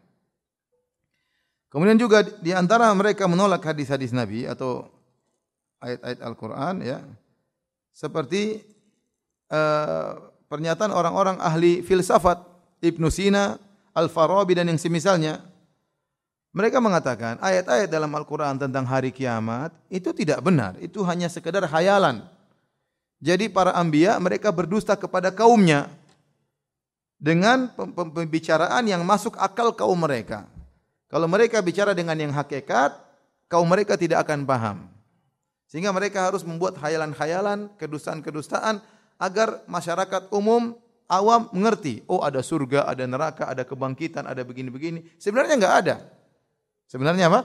Enggak ada. Itu hanyalah khayalan-khayalan dibuat oleh Nabi melalui Al-Quran atau hadis-hadisnya agar orang-orang bisa tunduk dan patuh. Dan ini adalah bentuk penolakan terhadap ayat-ayat dan hadis-hadis Nabi sallallahu alaihi wasallam. Ya. Dan ini perkara yang sangat mengerikan ya. Sama seperti uh, ulil absar ya. Tatkala dia berkata bahwasanya uh, kisah-kisah dalam Al-Qur'an itu belum tentu benar. Kisah-kisah Nabi Nuh ya, Nabi Nuh berdakwah kemudian kaumnya tidak menerima, maka Allah marah, Allah kirim hujan, akhirnya banjir dan akhirnya mereka meninggal. Kata dia, kok Tuhan seperti ini ya? Dan tidak sesuai dengan pemahaman liberal mereka. Karena pemahaman liberal, enggak boleh anda ngapain ngurusin agama orang lain. Paham? Di antara hak yang paling istimewa, super istimewa adalah hak beragama. Huriyatul akidah. Seorang berhak untuk beragama, meyakini apa yang dia sukai. Dan di antara bentuk penyelisihan hak asasi yang paling besar adalah ngurusin agama orang lain. Nah, Nabi Nuh alaihissalam ada kaumnya menyembah berhala. Nabi Nuh datang, Nabi Nuh tegur, mereka tidak terima, Allah kirim azab. Ini tidak masuk dalam logikanya orang apa? Liberal. Harusnya Nabi Nuh negur mereka sudah kesalahan. Kenapa ngurusin agama orang orang lain? Sehingga tidak masuk dalam akal mereka. Sama dia sebutkan Nabi Saleh. Nabi Saleh datang negur orang-orang, akhirnya tidak diterima, Allah kirim azab. Kata dia kisah-kisah seperti ini, Ya, ini tidak tidak mesti benar. Ini hanyalah rangkaian kedustaan yang Allah buat supaya orang tunduk, supaya orang bisa sadar dengan cara seperti ini. Makanya dia buat suatu tulisan judulnya Al-Quran dan Spider-Man. Ya, seakan-akan ini dongeng, sebagaimana ada dongeng Spider-Man, ada dongeng dalam Al-Quran. Persis seperti orang perkataan orang kafir, In hada illa asatirul awalin. Al-Quran itu hanyalah dongeng-dongeng orang-orang terdahulu dan ini adalah bentuk menolak ayat-ayat Allah Subhanahu wa taala ya. Kata dia maksudnya baik ya, dusta untuk kebaikan. Ibarat seorang ibu supaya anaknya jujur atau anaknya cerdas dia bikin cerita kancil dan buaya misalnya. Itu tidak pernah terjadi ya. tapi hanya sekedar untuk agar mereka baik. Ini adalah kedustaan yang benar bahwasanya semua kisah dalam Al-Qur'an itu benar. Laqad kana fi qasasihim ibratun lil albab ma kana haditsan yuftara. Sungguh pada kisah-kisah mereka adalah pelajaran dan itu bukanlah cerita yang fiksi tapi benar-benar cerita yang ada pernah terjadi. Seperti juga perkataan sebagian orang liberal bahwasanya hadis-hadis Nabi sallallahu alaihi wasallam atau Al-Qur'an itu hanya cocok untuk 1400 tahun yang lalu. Diturunkan oleh Allah cocok dengan zaman tersebut ya zaman tersebut. Sehingga mereka berdalil di antara dalil mereka bukankah nabi yang datang setelahnya memansuhkan nabi yang sebelumnya? Atau bukankah setiap nabi diutus kepada kaumnya ya nanti kaum yang lain diutus lagi nabi yang lain ya dan masing-masing punya syariat tersendiri oleh karenanya syariat seorang nabi hanya cocok dengan zamannya itu kata mereka syubhat ini Paham? Kata mereka, setiap nabi punya syariat. Nah, Muhammad pun demikian. Muhammad sallallahu alaihi wasallam punya syariat yang cocok untuk zamannya. Di zaman tersebut 15 tahun yang lalu Arab Badui dan yang lainnya. Nah, bagaimana kemudian kita mau memahami dengan tekstual untuk kita bawakan kepada zaman sekarang? Terus bagaimana solusinya? Solusinya kita harus beristihad untuk bikin hukum-hukum yang baru, yang relevan, yang sepadan dengan kejadian zaman sekarang. Seakan-akan dia berkata, Oh, hadis-hadis Nabi dan Al-Quran sudah expired. Hanya cocok 1400 tahun yang lalu. Dan ini dia tidak ngomong begitu, tidak ya. Tapi kesimpulannya begitu. Karena dia mengatakan kita disuruh beristihad untuk membuat hukum-hukum yang baru. Subhanallah. Ini perkataan ulil absor juga. ya. uh, kita bilang Nabi SAW berbeda dengan Nabi-Nabi yang lalu. Nabi Nabi Muhammad SAW, Nabi terakhir. Ya diutus untuk seluruh umat apa? Manusia. Syariatnya berlaku sampai hari kiamat. Ya.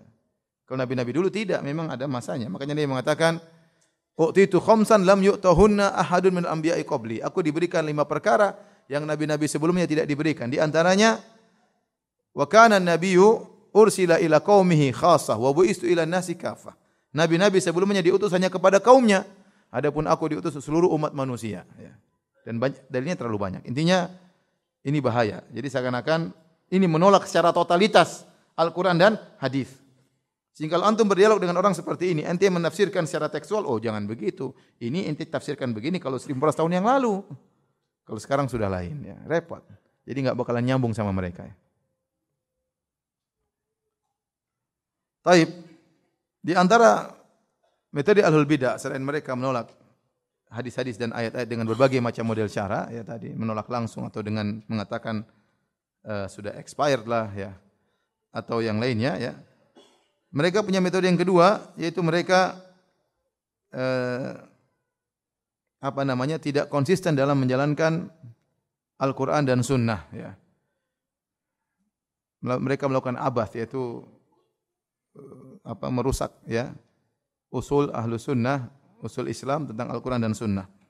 Di antaranya, mereka di antara mereka ada yang hanya menerima Al-Quran, adapun Sunnah mereka tidak terima.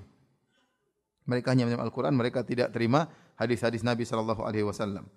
Oleh karenanya, eh, ada sekelompok ahlul bidah seperti di India, di Mesir, yang mereka menambahkan diri mereka dengan ahlul Quran.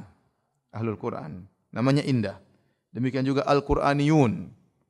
Ya, seakan-akan mereka membela Al-Quran. Ternyata maksudnya hanya berdalil dengan Al-Quran, hadis dibuang. Tentu ini adalah kesesatan ya. E, tidak mungkin Al-Quran kita bisa pahami tanpa hadis Nabi Sallallahu Alaihi Wasallam.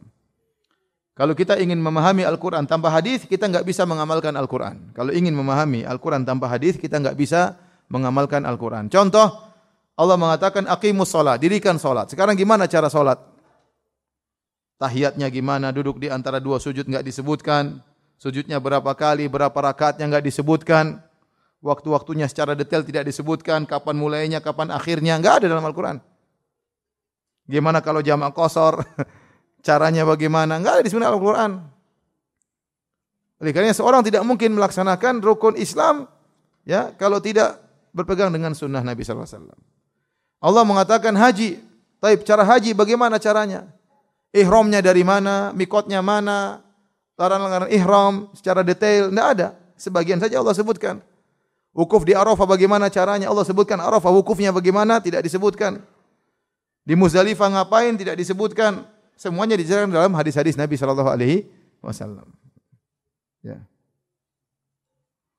Makanya kalau seorang hanya membenarkan Al-Quran, dia tidak bisa menjalankan Al-Quran secara sempurna. Karena Al-Quran tidak bisa dipahami kecuali dengan hadis Nabi sallallahu alaihi wasallam. Kemudian di antara metode mereka, ya, mereka hanya beriman dengan sebagian dalil dan menolak sebagian yang lain. Ini ini ini di antara poin yang sangat berbahaya dari ahlul bidah. Mereka tidak memahami dalil secara utuh, hanya memahami sebagian dan menolak sebagian. Ahlus sunnah tadi sudah kita sebutkan tidak, mereka mengumpulkan seluruh dalil, mereka pahami dengan benar, mengkompromikan dalil-dalil yang sepertinya ada pertentangan, mereka kompromikan. Sebagai contoh, metode orang-orang Khawarij. Orang-orang Khawarij ya.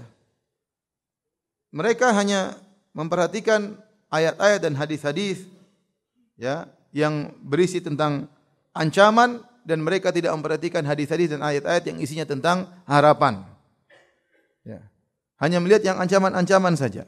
Sehingga akhirnya mereka mengkafirkan para pelaku dosa besar. Contoh seperti firman Allah, "Wa man yaqtul mu'minan muta'ammidan fajaza'uhu jahannam khalidan fiha." Barang siapa membunuh seorang mukmin dengan sengaja, maka balasannya adalah neraka jahanam kekal di dalamnya. Sehingga mereka memahami ayat ini bahwasanya orang membunuh orang lain kafir kekal. Dan ini pernah dikatakan oleh Amr bin Ubaid. Dia berkata, Yuk tabi yaumal qiyamah. Nanti pada hari kiamat aku akan dihadirkan di hadapan Allah, kata dia. Fa aqamu baina yadayillah fa uqamu baina yadayillah kemudian aku diberdirikan di hadapan Allah Subhanahu wa taala fa yaqulu li kemudian Allah berkata kepadaku lima qulta innal qatila finnar wahai amr bin ubaid kenapa kau berkata pembunuh pasti masuk neraka jahanam fa aqulu anta qultahu aku akan menjawab Allah aku berkata ya Allah engkau yang mengucapkan dalam Al-Qur'an bukankah engkau engkau berfirman wa may yaqtul mu'minan muta'ammidan fajazaa'u jahannamu khalidan fiha Barang siapa membunuh seorang mukmin dengan sengaja, maka kekal di neraka. Qultu lahu ya. Dan kata sang perawi yang menceritakan kisah Amr bin Ubaid ini, dia berkata waktu itu aku orang paling kecil hadir di rumah. Maka aku bantah Amr bin Ubaid. Aku berkata, "Ara'aita in qala laka?" Bagaimana kalau Allah berkata kepadamu wahai Amr bin Ubaid? Qad qultu inna Allah la yaghfiru ay yushraka bihi wa yaghfiru ma duna dzalika liman yasha. Min aina alimta anni la asya'u an aghfir? Bukankah Allah akan membantahmu wahai Amr bin Ubaid? Bukankah aku telah berkata juga dalam Al-Qur'an, sungguhnya Allah tidak mengampuni dosa kesyirikan dan Allah mengampuni dosa selain kesyirikan bagi yang Allah kehendaki. Artinya pembunuh itu membunuh bukan kesyirikan. Dari mana engkau Amr bin Ubaid tahu bahwasanya aku tidak akan mengampuni pembunuh ini? Akhirnya Amr bin Ubaid tidak bisa menjawab. Artinya apa? Dia hanya mengambil satu ayat, dia lupa ayat yang lain. Kalau orang hanya melihat ayat Wa may yaqtul mu'minan muta'ammidan fajaz jahannam khalidan fiha. Barang siapa bunuh orang masuk neraka kekal dalamnya. Orang bunuh berarti kafir. Tapi kalau dilihat ayat yang lain, sungguhnya Allah mengampuni dosa selain kesyirikan bagi yang Allah kehendaki. Berarti belum tentu apa? Kafir. Maka ahlu sunnah menggabungkan di antara keduanya. Seperti orang-orang ahlu ittihad, yaitu ahlul hulul, wihdatul wujud. Ya. Mereka membaca firman Allah, Wa ma idh ramaita walakinna Allah rama. Kata mereka, wahai Muhammad, tidaklah engkau melempar tatkala engkau melempar kecuali Allah yang melempar. Berarti semua gerakan Rasulullah itu gerakan Allah Subhanahu wa taala. Mereka hanya satu ayat. Mereka hanya lihat firman Allah Subhanahu wa taala ya uh, apa namanya? Wa huwa ma'akum aina ma kuntum. Allah selalu bersama kalian dimanapun kalian berada sehingga mereka meyakini Allah bersama mereka dalam jasad mereka. Repot. Mereka hanya melihat sebagian ayat. Mereka tidak lihat begitu banyak ayat Rasulullah SAW berdoa kepada Allah. Rasulullah SAW ketemu dengan Allah dua zat yang berbeda. Dan banyak ayat yang menjelaskan Tuhan bukan manusia. Tuhan tidak pernah bersatu dengan manusia. Jadi repot hanya ambil satu ayat kemudian yang lain tidak dilihat. Sama dengan orang-orang murjiah sebaliknya. Orang murjiah mereka hanya melihat hadis-hadis yang memberikan harapan. Sementara mereka lupa dengan hadis-hadis ayat yang memberi ancaman bagi orang pelaku maksiat masuk neraka jahanam. Contoh dalam hadis dalam Sahih Bukhari, perhatikan hadis ini. Kalau orang hanya baca hadis ini tidak baca yang lain, jadi murjiah. Ya. Apa kata Nabi SAW? Ma min abdin qala la ilaha illallah tsumma mata ala dzalik illa dakhala jannah. Tidak ada orang seorang hamba pun mengucapkan la ilaha illallah kemudian meninggal di atas demikian kecuali masuk surga. Qultu wa in zana wa in saraq. Ya Rasulullah meskipun dia zina, meskipun dia mencuri. Qala kata Nabi wa in zana wa in saraq. Yang penting mengucapkan la ilaha illallah masuk surga meskipun zina, meskipun mencuri. Aku ulangi lagi. Ya, sahabat ini yaitu Abu Dzar kurang ingin lebih memastikan. Dia bertanya lagi. Qultu wa in zana wa in saraq. Ya Rasulullah, meskipun zina meskipun mencuri masuk surga. Nabi menjawab wa in zana wa in saraq. Meskipun berzina pun masuk surga. Dia ulangi lagi tiga kali. Ya Rasulullah, wa in zana wa in saraq. Ya Rasulullah, meskipun mencuri meskipun berzina. Kata Nabi, wa in zana wa in saraq. Meskipun berzina dan mencuri. Empat kali dia berkata lagi. Wa in zana wa in saraq. Ya Rasulullah, masuk surga meskipun mencuri meskipun berzina. Kata Nabi, wa in zana wa in saraq ala ragmi anfi Abi Dzar ya. Meskipun dia mencuri berzina, meskipun menjengkelkan Abu Dzar. meskipun Abu Dzar tidak suka. nah orang kalau baca hadis seperti ini, waduh, udah. Meskipun mencuri masuk surga, yang penting ngaji tauhid masuk surga. Meskipun mencuri, meskipun berzina, yang penting la ilaha illallah. Nah kalau baca hadis seperti ini, bisa jadi murjiah. Orang Khawarij baca hadis yang lain. La yazni zani hina yazni wa huwa mu'min. Tidaklah seorang pezina tatkala berzina masih mukmin. Oh, kafir berarti. Wala yasriku sarik hina yasrik wa huwa mu'min. Tidaklah seorang mencuri tatkala sedang mencuri dalam kondisi mukmin. Kafir. Wala yashrabu syaribul khamr hina yashrabuha wa huwa mu'min. Tidaklah seorang peminum khamr sedang minum khamr dalam kondisi beriman. Nah, orang Khawarij lihat hadis ini. Nah, ke ahlu sunnah menggabungkan dua-duanya. Bahwasanya yang dimaksud ini beginian, dimaksud demikian ya. Kalau orang bertauhid dengan tauhidnya matang, tidak melakukan kesyirikan dan dikehendaki oleh Allah maka maksiatnya bisa diampuni oleh Allah Subhanahu wa taala. Tidak semua pelaku dosa besar masuk apa? neraka. Jika Allah berkehendak mengampuninya Allah akan ampuni. Jadi maksud saya lihatlah bagaimana ahlul bidah mereka hanya melihat sebagian dalil melupakan dalil yang lain dan itu terjadi pada seluruh kelompok ahlul bidah. Adapun ahlus sunnah maka mereka menggabungkan seluruh dalil baru kemudian mereka mengambil kesimpulan.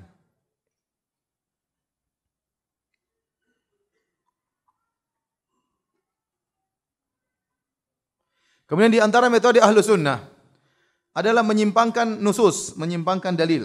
Dalil disimpangkan. Penyimpangan dalil ya bisa uh, dua model, yaitu lafalnya disimpangkan, bisa maknanya disimpangkan. Yang banyak terjadi adalah maknanya disimpangkan, bukan lafalnya. Ya, kalau zaman dahulu ya uh, sebagian lafal mau disimpangkan oleh ahlul bidah.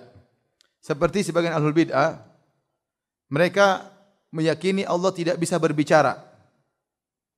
Makanya waktu mereka baca firman Allah wa kallamallahu Musa taklima wa kallamallahu Allah berbicara Allah adalah subjek Musa objek wa kallamallahu Musa taklima Allah sungguh-sungguh berbicara dengan Nabi Musa itu cara bacanya Allahnya di dhamma wa kallamallahu sehingga maknanya Allah yang subjek, Musa yang objek, Musa alaihissalam.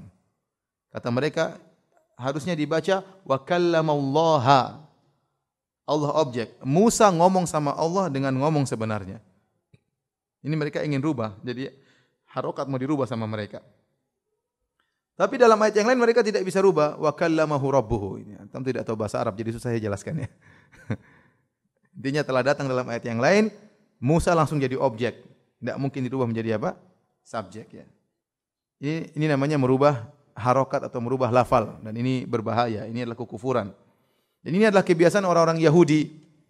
Orang Yahudi, tatkala Allah menyuruh mereka untuk minta ampun, ya, kata Allah, wa kulu hittatun nagfir lakum khotayakum. Wahai orang-orang Yahudi, waktu kalian masuk ke uh, ke mana Palestina, hendaknya kalian berkata hittah, yaitu Allah ampunilah dosa-dosa kami.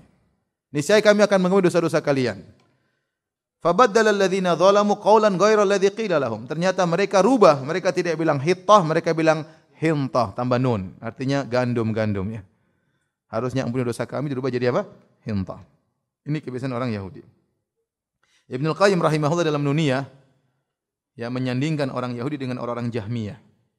Dia sandingkan. Apa kata Ibnu Qayyim? Amara al-yahuda an yaqulu hittah fa abaw wa qalu hintah lihawani.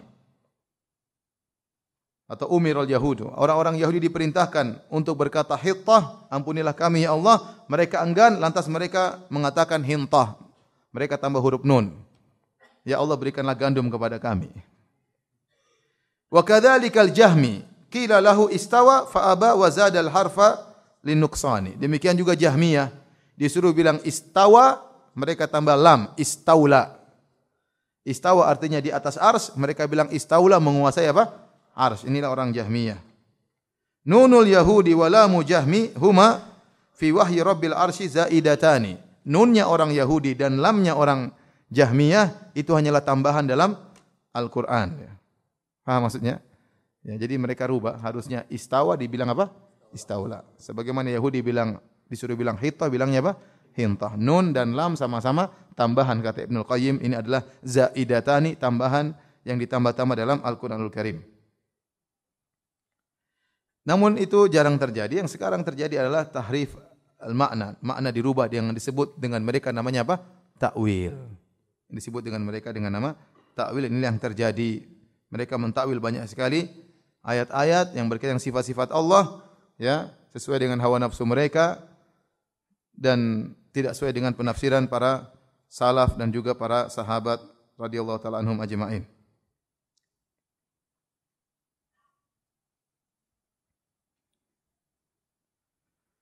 Uh,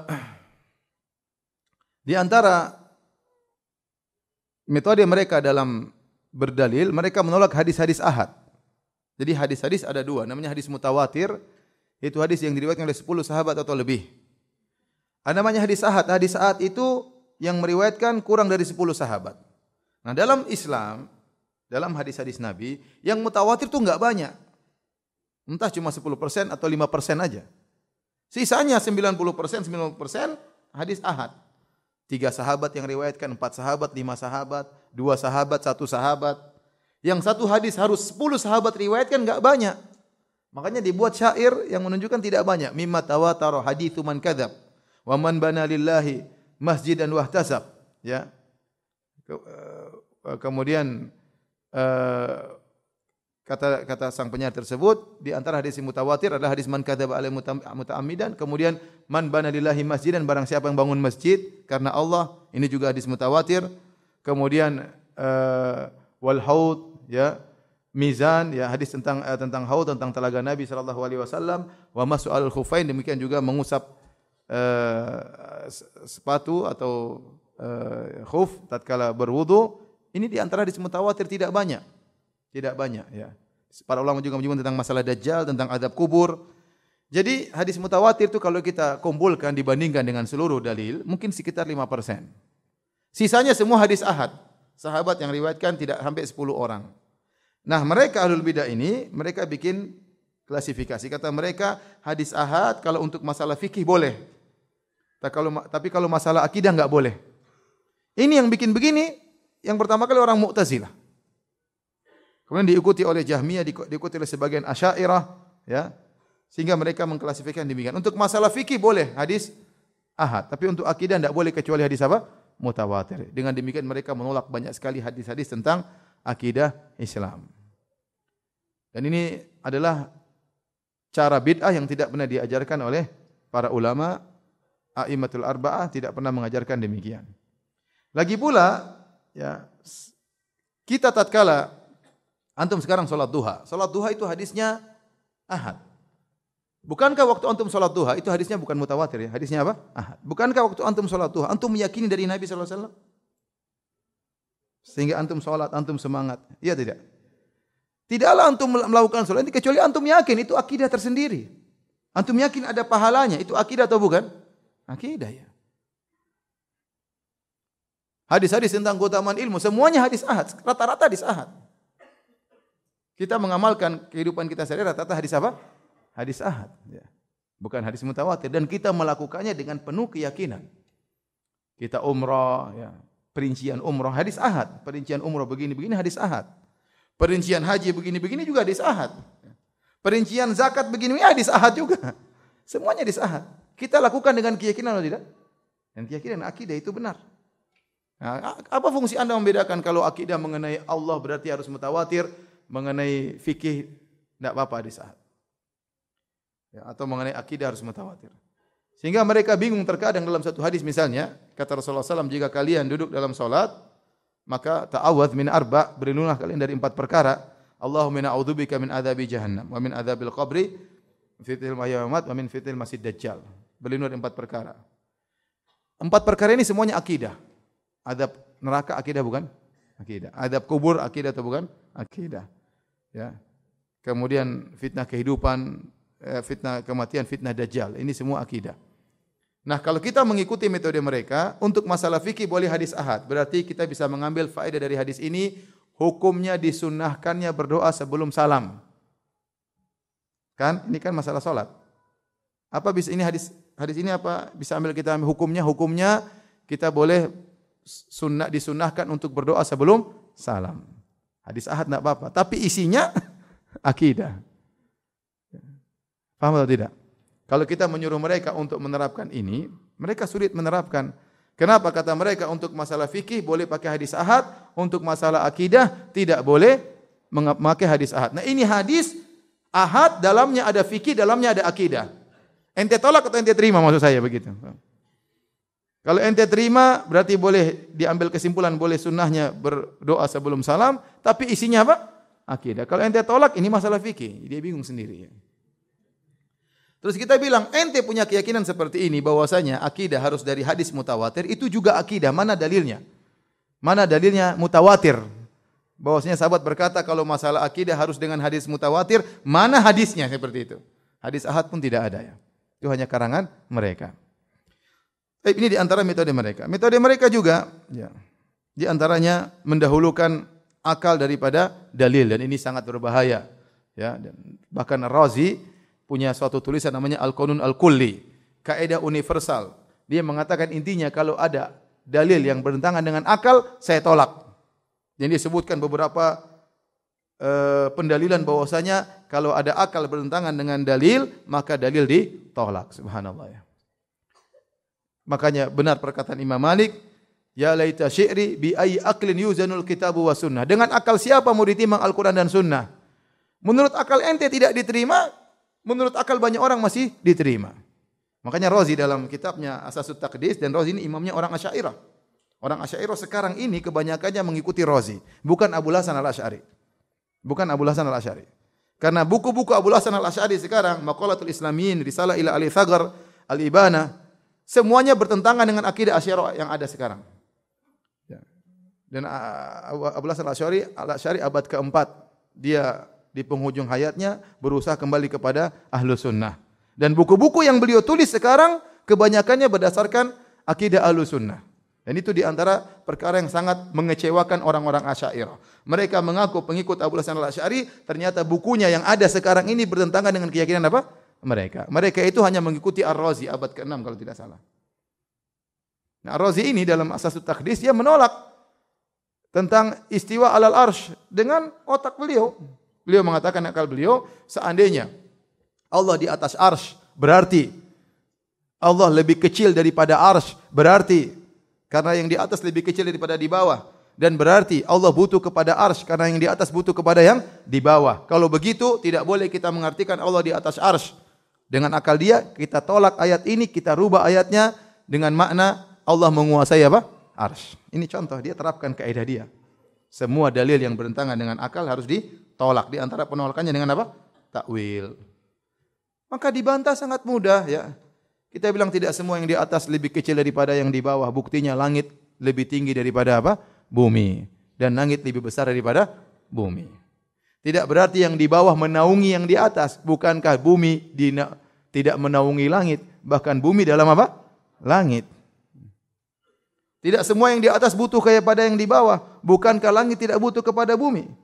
Ya rafa as-samaa bi ghairi amadin tarawunaha. Allah mengangkat langit tanpa ada tiang yang yang menyanggahnya dari bumi, enggak ada. Kalau langit dan bumi saja, langit di atas ternyata langit lebih besar daripada bumi, langit tidak butuh kepada bumi, langit yang di atas mengayomi yang di bawah, itu antara makhluk dengan makhluk apalagi antara Allah dengan makhluk. Allah di atas ars bukan berarti Allah lebih kecil daripada ars. Ini maksud saya contoh dia pakai akal dia menurut akal dia mungkin yang terhebat. Menurut dia tidak masuk akal, menurut banyak orang masih masuk akal.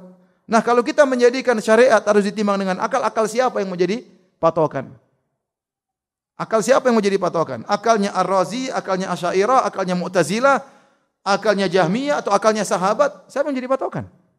Makanya benar kata Imam Malik, bi ai aqlin yuzanul kitab wa sunnah. Dengan akal siapa kita menimbang Al-Qur'an dan Sunnah? Kalau kita caranya menimbang agama dengan akal, kita akan berpindah-pindah agama kita. Ketemu orang lebih pintar berakal, kita pindah lagi akidah kita. Berubah-ubah. Kan yang di antara cara mereka menolak uh, uh, metode mereka adalah dengan mendahulukan akal daripada dalil. Dan ini metode yang sangat berbahaya. Makanya Ibn Taimiyah menulis buku, judulnya Daru Ta'arudil Akal wa Nakal. Dicetak sekarang kalau tidak salah sembilan jilid. Untuk membantah Rozi ini.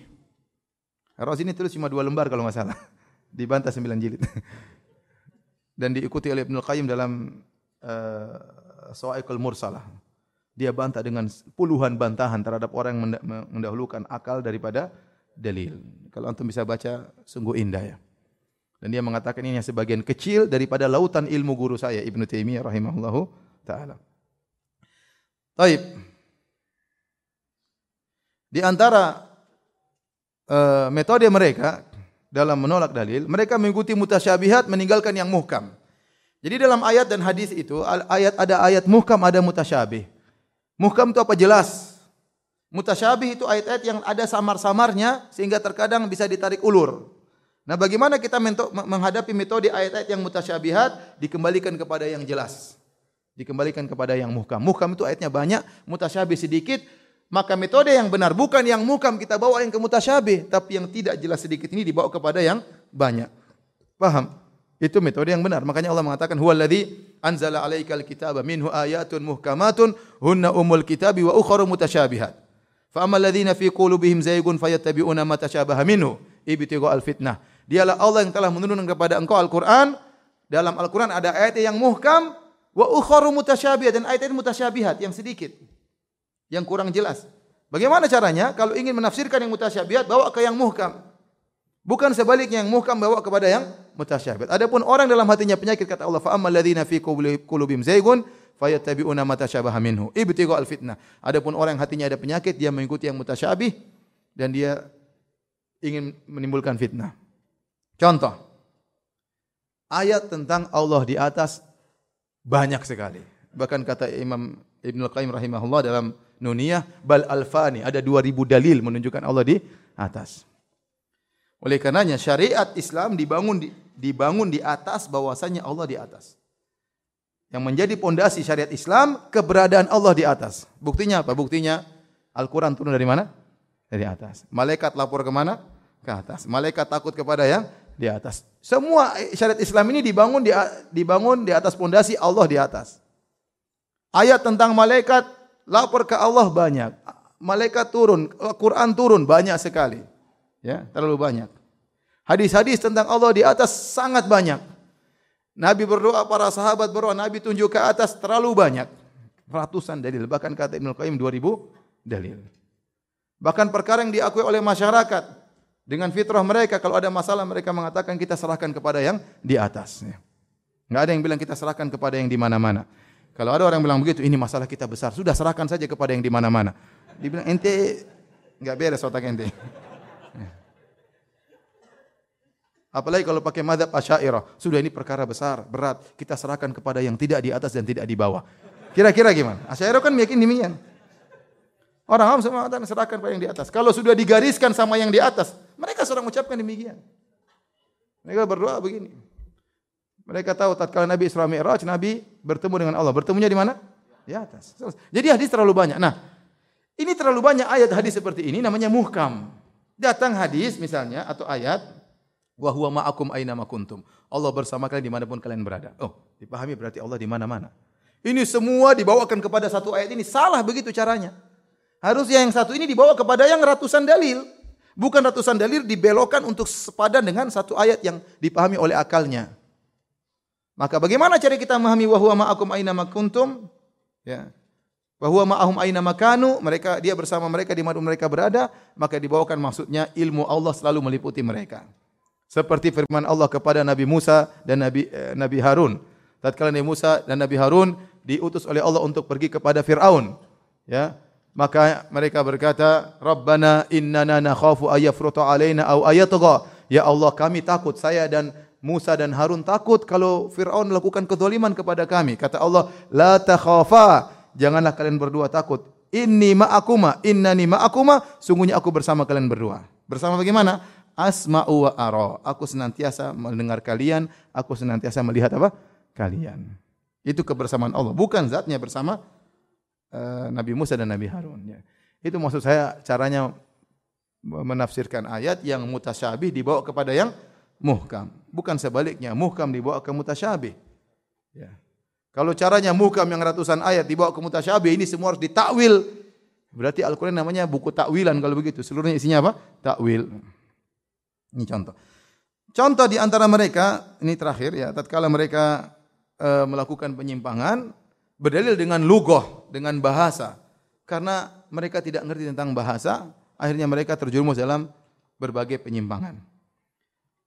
Contohnya, e, sebagian orang-orang Mu'tazilah menolak bahwasanya Allah dilihat di hari kiamat. Mereka menolak. Ya. Saya masih ingat saya punya ada kawan waktu di Mekah dia dakwah di kemah-kemah. Kemah-kemah para jemaah haji. Di antara kemah-kemah jemaah haji ada kemahnya orang-orang Mu'tazilah. Ma'ruf lah ini kelompok Mu'tazilah, menolak Allah dilihat. Di dunia pun di akhirat Allah enggak bisa dilihat. Maka teman saya itu orang Saudi, dia langsung masuk, dia ceramah, dipersilakan dia orang Saudi silakan, dia ceramah. Dia ceramah tentang kenikmatan surga, Kemudian dia berceramah tentang melihat wajah Allah kenikmatan terindah. Mulai mereka gelisah. Sebagian mereka keluar tidak tidak bisa terima kalau Allah bisa dilihat di hari apa? Akhirat. Kenapa? Otak dia enggak sampai. Dia bilang enggak bisa. Kenapa enggak bisa? Pakai akal semuanya. Akal dia Tuhan itu punya syarat. Di antara syarat Tuhan tidak bisa dilihat. Itu akal itu syarat dari mana? Siapa yang datangkan syarat tersebut? Sama orang Asy'ariyah mengatakan di antara syarat di antara syarat Tuhan tidak boleh ngomong. Itu di antara syaratnya orang Asy'ariyah. Allah tidak boleh ngomong dengan bahasa, Allah tidak boleh ngomong dengan suara. Itu syarat Tuhan. Kalau Allah ngomong dengan bahasa dan suara tidak jadi Tuhan. Benar ini? Itu tidak pantas jadi Tuhan. Ini syarat dari mana? Orang-orang filsafat. Akhirnya Al-Quran ini gimana? Al-Quran ini bukan firman Allah. Ini cuma terjemahan Nabi terhadap firman Allah. Bahaya. Itu akidahnya orang Asy'ariyah. Jadi dengan akal mereka, mereka menolak Allah bisa dilihat. Di antara dalil mereka, mereka menggunakan dalil dengan bahasa. Karena Nabi Musa waktu berkata kepada Allah dalam surat Al-A'raf, Rabbi arini anzur ilaik. Ya Rabbku, tunjukkanlah dirimu, aku ingin melihatmu. Jadi kata para ulama, Nabi Musa rindu. Karena Nabi Musa sudah ngomong sama Allah. Ada kerinduan, ingin lihat Allah subhanahu wa ta'ala. Maka Allah mengatakan, lantaroni, kau tidak bisa melihat aku. Kata mereka, Allah tidak bakalan bisa dilihat sampai kapanpun. Yang benar Nabi Musa tidak bisa melihat Allah di dunia. Di akhirat terlalu banyak dalil bahwasanya Allah di, dilihat. Perkataan Allah lantaroni, kata mereka lan dalam bahasa Arab itu artinya menafikan selama-lamanya abadi. Dan ini tidak benar dalam bahasa. Ini saya contohkan mereka salah dalam bahasa Arab. Mereka mengartikan lan, lan itu tidak mungkin ditolak selama-lamanya. Padahal tidak demikian. Ya dalam bahasa Arab lan itu tidak mesti abadi ya. Tentunya di pembahasan uh, bahasa Arab ya. Kemudian contoh sebagian orang-orang uh, mengartikan firman Allah Subhanahu wa taala was samaa banainaha bi aidin wa inna lamusiun. Allah berfirman dan langit kami bangun bi aidin dengan tangan-tangan kami. Ya, Kemudian kita buka buku tafsir, para ahli tafsir mengatakan bikuah dengan kekuatan. Kata mereka lihat ahli tafsir mentakwil. Bi aidin itu dengan tangan, artinya apa? Ditafsirkan dengan kekuatan. Mereka enggak ngerti. Ternyata ID dalam bahasa Arab artinya kekuatan memang. Al aid itu artinya bahasa Arab artinya apa? Kekuatan. Mereka enggak ngerti. Ini contoh karena mereka jahil. Contoh lagi mereka menafsirkan istawa ala dengan istaula. Allah istawa di atas diartikan dengan istaula menguasai. Padahal tidak ada dalam bahasa Arab istawa ala maknanya istaula itu enggak ada dalam bahasa Arab. Tapi karena mereka sudah meyakini terlebih dahulu, mereka gatok-gatokkan kalau bahasa kita. Dicari pas ngepas ngepasi ya. Ternyata tidak ada dalam bahasa Arab. Contohnya juga Allah berfirman, Nasullaha fanasiyahum. Nasi dalam bahasa Arab, nasia bisa dua makna. Bisa artinya lupa, bisa artinya meninggalkan. Dan ini disebutkan dalam buku-buku bahasa. Seperti Ibnu Faris menyebutkan nasia bermakna taroka, meninggalkan. Kata mereka, coba ente mau tafsirkan ayat ini. Allah lupa. Apakah Allah lupa? Berarti harus ditakwil. Ini karena kejadian seorang dai di YouTube bilang begitu. Apakah Allah lupa? Dia enggak tahu bahasa Arab. Padahal nasia itu dalam bahasa Arab bisa artinya meninggalkan, bisa artinya apa? Lupa. Dalam yang berkaitan dengan Allah artinya mening meninggalkan. Allah tinggalkan apa? Mereka. Ini contoh maksud saya karena kejahilan dengan bahasa Arab akhirnya mereka terjerumus dalam penyimpangan-penyimpangan. Masih ada yang terakhir, sabar ya.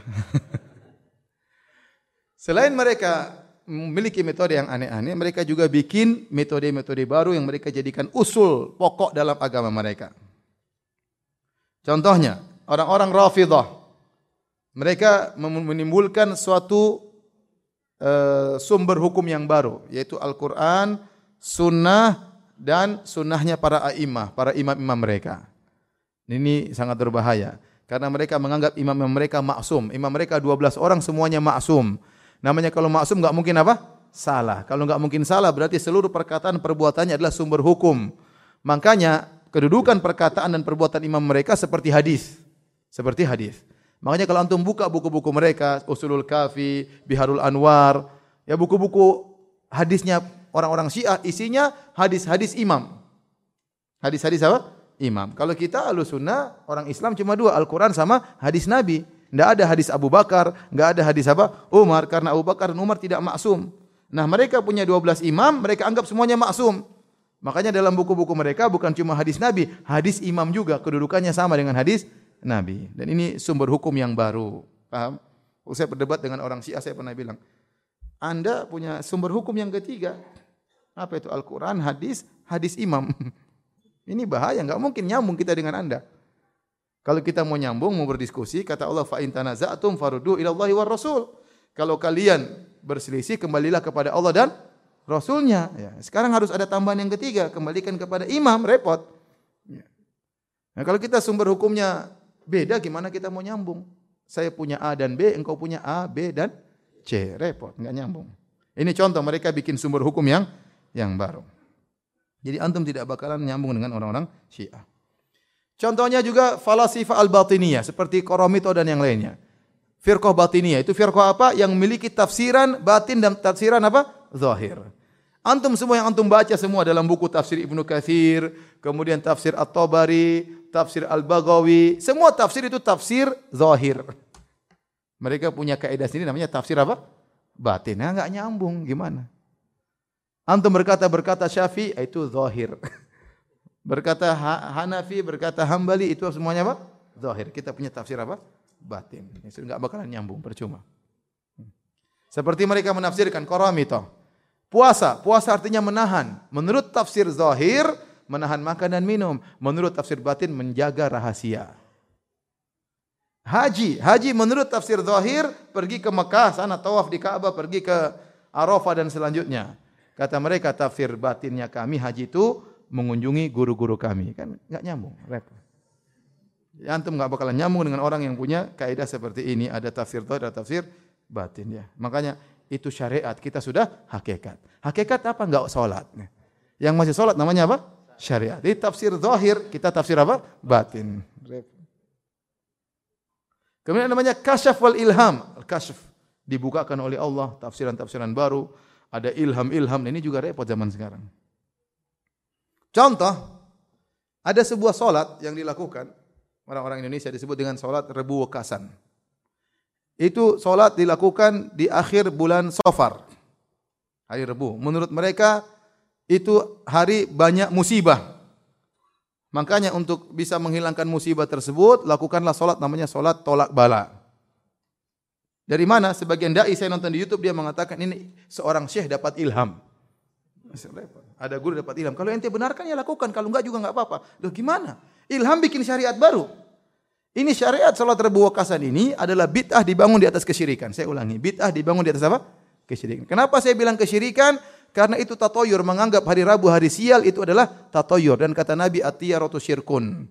Tatoyur itu apa? Syirik. Apalagi Nabi mengatakan la sofar, tidak ada kesialan dalam bulan sofar. Dia bilang ada di minggu terakhir. Hari Rabu namanya hari sial. Supaya tidak terkena sial kita bikin solat namanya solat apa? Penolak bala. Ini solat bid'ah dibangun di atas apa? Kesyirikan. Dalilnya ilham. Ilham. Repot. Ikhwan ya. Aneh-aneh orang sekarang ya. Ada yang bilang ilham, ada yang bilang bisa baca hati manusia, subhanallah. Ada orang dia bisa baca hati orang. Gimana baca hati orang? Nabi sih tidak tahu hati orang. Nabi tidak tahu ada orang munafik sebagai Nabi tidak tahu mereka. Wa mimman haulakum minal a'rabi munafiquna. Wa min ahli al-Madinati maradu ala nifaqi la ta'lamuhum nahnu na'lamuhum sanu'adzibuhum marratain dalam surat At-Taubah. Kata Allah di sekelilingmu ada orang-orang munafik yang kau tahu dan ada yang kau tidak tahu wahai Muhammad. Kalau Nabi tahu isi hati manusia, Nabi akan tahu semua mana munafik, mana bukan munafik. Nabi tidak isi hati manusia. Waktu Aisyah dituduh berzina, Nabi bingung istrinya berzina atau tidak. Nabi tidak tahu. Kalau Nabi tahu isi hati manusia, Nabi tahu, oh Aisyah enggak zina. Dia jujur. Nabi enggak tahu. Siapa yang kasih tahu Aisyah tidak berzina? Allah Subhanahu wa taala. Kemudian datang orang sekarang, oh ini ada tahu isi hati manusia dia tahu, repot. Dengan mimpi lagi, macam-macam lagi. Jadi ikhwan, anda sekarang bisa bedakan mana insya Allah mana pendalilan ahlu sunnah, mana pendalilan bukan dari apa ahlu sunnah. Maka seorang berusaha beragama dengan akidah yang benar, bertemu dengan Allah dengan dalil yang benar, bukan dengan metode pendalilan ahlul bidah. Demikian saja ya uh, kajian kita. Ada yang bertanya? Banyak ya.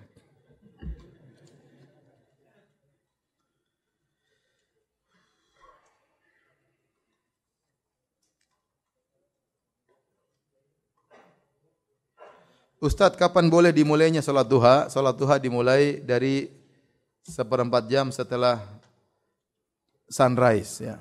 Itulah awal dari kata orang salat syuruk. Itulah awal dari salat duha.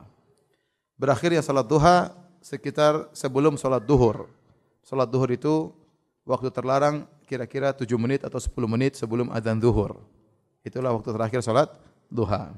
Seorang boleh salat duha di antara dua waktu tersebut sekitar 15 menit setelah sunrise sampai sekitar 10 menit sebelum adzan zuhur. Dan yang terbaik adalah sekitar jam 10 setengah 11. Kata Nabi SAW, Salatul awabin hina turmadul fisal. Salatnya orang-orang awab yang senantiasa kembali kepada Allah salat duha tatkala anak onta kepanasan. Kata Syekh bin Bas rahimahullah sekitar jam 10 setengah 11 siang pagi.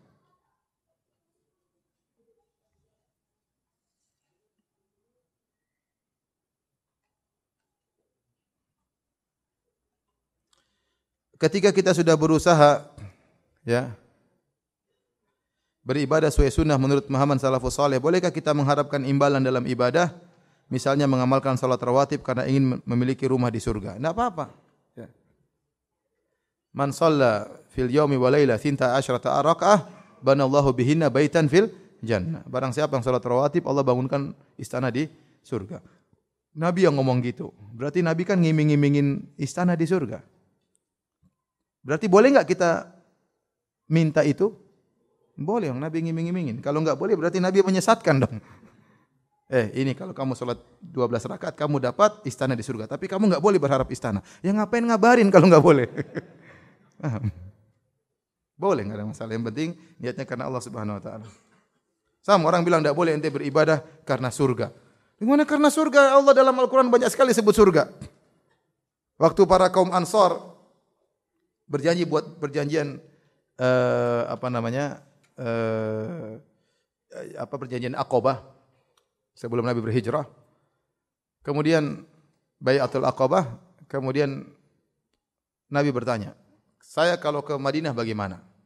Kata kaum Ansar, "Kalau Anda ke Madinah wahai Nabi, kami akan bela Anda sebagaimana kami bela diri kami dan bela anak-anak kami, bela istri-istri kami." Terus para sahabat Ansar tanya, "Ya Rasulullah, kalau kami sudah bela engkau, kami dapat apa?" Gantian kan? Dealnya gimana? Kalau kamu engkau ke Madinah, kami akan bela mati-matian. Kalau kami sudah bela engkau, kami dapat apa? Kata Nabi, surga. Terus Nabi bilang, enggak boleh harap surga? Jadi enggak benar itu orang, sebagian orang terlalu maksudnya menganggap mungkin dia harus karena cinta, harus karena cinta. Ya, yang paling cinta kepada Allah adalah Nabi Muhammad dan Nabi Ibrahim. Sampai keduanya alaihi wasallam diberi gelar dengan Khalilur Rahman, orang yang dicintai oleh Allah Subhanahu kekasih Allah dua-duanya itu. Nabi yang lain tidak dapat gelar ini. Yang dapat gelar kekasih Allah cuma dua. Nabi Muhammad SAW dengan siapa? Nabi Ibrahim. Itu pun keduanya minta surga. Nabi Ibrahim, waj'alni min warathi jannati naim. Ya Allah berikanlah aku surga yang penuh kenikmatan. Nabi Muhammad dalam terlalu banyak ayat, dalam banyak hadis, Allahumma inna as'alukal jannah. Ya Allah, aku minta apa? Surga. Nabi suruh kita minta surga. Idza sa'altumullah fas'alul firdaus. Kalau kau minta sesuatu kepada Allah, mintalah surga firdaus. Ini eh, dalil pakai akal, pakai perasaan. Kalau kita dalil pakai apa? Pakai dalil, jangan pakai perasaan. Dalil menunjukkan boleh kita minta surga kepada Allah Subhanahu wa taala. Dan di surga ada puncak kenikmatan melihat wajah Allah Subhanahu wa taala.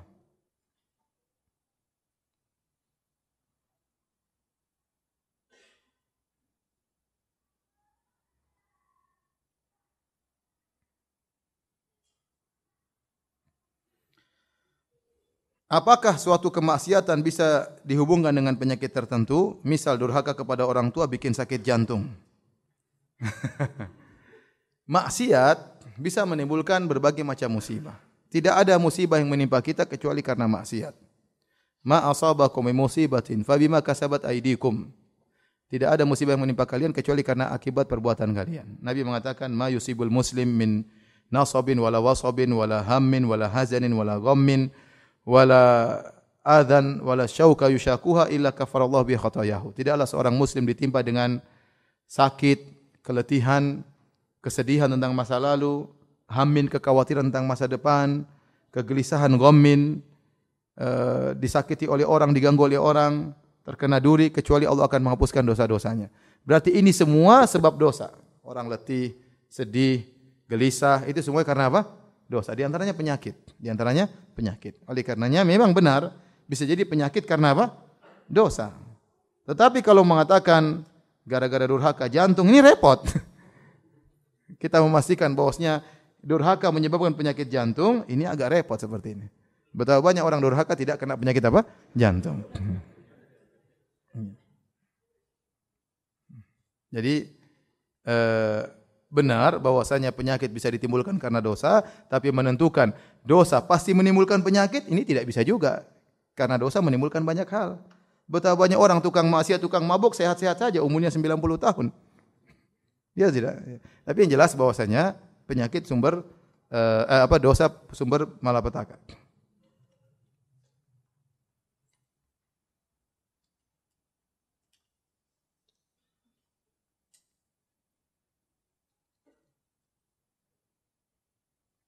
Ustaz, apakah hadis dhaif boleh digabungkan dengan hadis sahih ketika melakukan suatu ibadah contohnya berdoa berbuka puasa? Uh, hadis uh, berbuka puasa hadisnya hasan ya. Dhahaba dhamma wa abtalatil uruq wa thabatul ajr insyaallah sebagian ulama mendhaifkan tapi sebagian ulama menghasankan hadis tersebut ya. Dan secara umum kita boleh berdoa dengan doa yang lain karena dianjurkan seorang tatkala berbuka ber doa. Makanya Syekh Islam Taimiyah mengatakan boleh kita berdoa dengan Allahumma laka sumtu wa bika amantu ya. Karena doanya disyariatkan. Adapun lafal-lafal ya, bisa saja dengan per perkataan salaf, pembahasan salaf atau hadis yang dhaif selama uh, bukan menimbulkan syariat baru. Faham? Bukankah kalau kita berpuasa kita boleh berdoa? Boleh. Bukankah kalau kita berbuka kita boleh berdoa? Nah, doanya apa? Itu jadi masalah. Doanya apa? Nah, sebagian ulama mengatakan doanya dengan zahabat dhama'u karena hadisnya apa? Hasan. Sebagian ulama mengatakan itu pun doif, bebas dengan doa-doa yang lainnya, yang mana saja. Ya, apakah itu atau yang lainnya, bebas yang penting berdoa. Karena di antara uh, keistimewaan orang yang berpuasa, uh, salah satu la turaddu da'watuhum, tiga orang yang doanya tidak akan ditolak, di antaranya as-saim hatta yuftir. Orang yang berpuasa sampai dia berbuka. Dan dalam sebagian riwayat, uh, inna lisaim dakwatan uh, inda fitrihi dakwatan la turab. Orang yang berpuasa doanya tidak ditolak tatkala dia berbuka. Dia berbuka. Hadis ini juga diperselisihkan. Ada yang mengatakan dhaif, ada yang mengatakan hasan ya. Tapi Ibnu Katsir rahimahullah berpendapat bahwasanya di antara dianjurkan seorang berdoa adalah tatkala hendak berbuka dan itu juga pendapat Syekh Utsaimin rahimahullahu taala. Oleh karena saya ingatkan nanti tatkala antum puasa jangan lupa sebelum berbuka ber berdoa. Apakah anda terlalu cemburu sebagai laki-laki jika melihat sikap akhwat yang sedang proses ta'aruf dengan anak? Suka melike foto-foto non mahram walaupun itu temannya. Apakah cemburu itu wajar atau berlebihan? Bagaimana menyikapinya Ustaz? Jadi baru ta'aruf belum menjadi milik ya. Ini akhwat ta'aruf dengan ikhwan. Ikhwannya ngecek Facebooknya. Ternyata si akhwat ini suka nge-like-like apa? Ikhwan non mahram. Dia cemburu, wajar atau tidak? Wajar. Itu wajar ya. Ini mau jadi istri kita modelnya suka nge-like ikhwan-ikhwan yang lain, aduh. Mending enggak usah. Jangan-jangan setelah kita nikah masih berlanjut.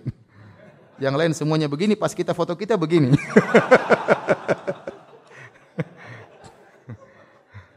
Jangan, repot begitu. Bagaimana menanamkan tauhid pada anak sehingga mudah dipahami oleh anak? Tauhid sangat mudah, fitrah. Dia bilang yang disembah pencipta alam semesta ini yang disembah cuma Allah Subhanahu wa taala. Gampang itu masa orang nyembah sapi, masa orang nyembah apa? pohon, masa orang minta sama orang mati. Kan itu sebenarnya logis kita. Kita bilang itu semua ngawur itu, enggak masuk akal masa orang mati diminta-mintain. Ya. Kamu yang solatin, kamu yang mandiin, kamu yang ngantar ke kuburan, kamu minta lagi sama dia. enggak enggak logis ya. Ah, kasih sajian-sajian, semuanya enggak logis ya. Semuanya enggak logis.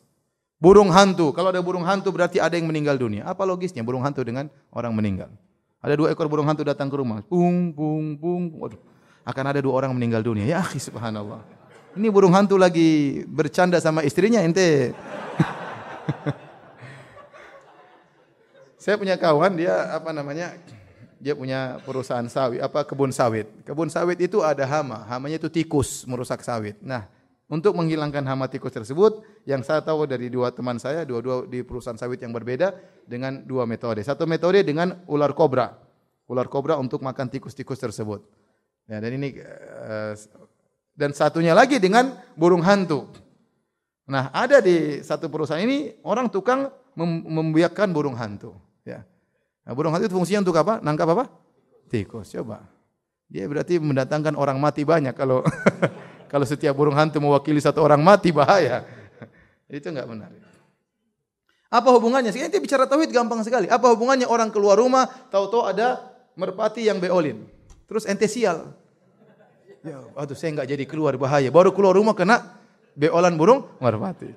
Enggak usah lagi protes wahai burung merpati. Bumi ini luas. Kenapa kepala saya yang ente pilih? Kalau burung merpati bisa bicara dia akan jawab. Ya. Kamu juga siapa suruh keluar pas saya lagi beol. apa hubungannya dengan kesialan? Ada kesialan kebetulan aja apa hubungan dengan kesialan. Jadi, jadi sebenarnya tauhid itu fitrah.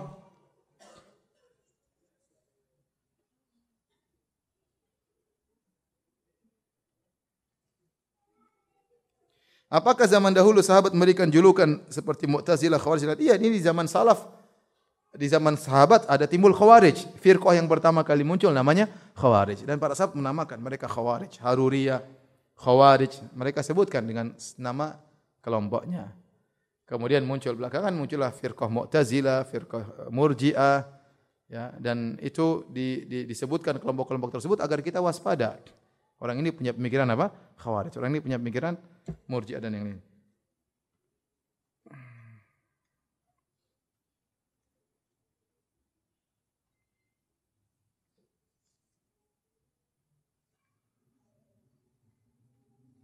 Ustaz bagaimana cara membedakan hadis yang doif dan doif jiddan dan yang ringan? Ente tanya sama Ustaz aja lah. Ini enggak gampang, ini harus belajar rijal, belajar yang lainnya ya. Mustalah hadis, kemudian masalah uh, rijalul hadis, enggak gampang. Serahkan kepada ahlinya.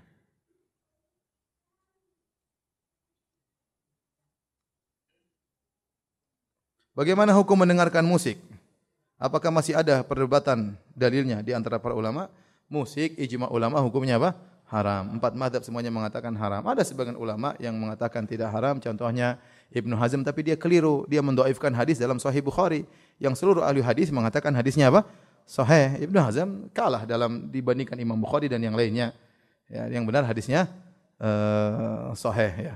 Bahkan Syekh Albani membuat suatu kitab mengumpulkan hadis-hadis tentang yang menyatakan haramnya musik. Dan seluruh mazhab semua mengatakan musik itu haram. Di antara mazhab yang paling keras mengatakan musik haram di antaranya mazhab Syafi'i. Imam Syafi'i. Imam Syafi'i dalam kitabnya Al-Um ya, dan juga yang lainnya. Seperti uh, Ibnu Hajar Al-Haytami dalam kitabnya Zawajir an Iktirafil Kabair peringatan terhadap dosa-dosa besar dia memasukkan musik termasuk dosa besar. Mendengarkan musik termasuk dosa besar ya. Imam Syafi'i dalam kitab Al-Umum ya membedakan antara uh, nasyid dengan musik. Kalau nasyid dia mengatakan tidak sampai haram tanpa alat musik, tapi kalau alat musik dia mengatakan apa? Haram ya. Jadi sebagian orang mengatakan Imam Syafi'i membolehkan musik. Padahal Imam Syafi'i tidak berbicara tentang musik. Ya. Ini tadi di antara kesalahan karena tidak tahu bahasa Arab. Makanya baca kitab um salah paham. Padahal Imam Syafi'i mengharamkan apa? Musik. Ya.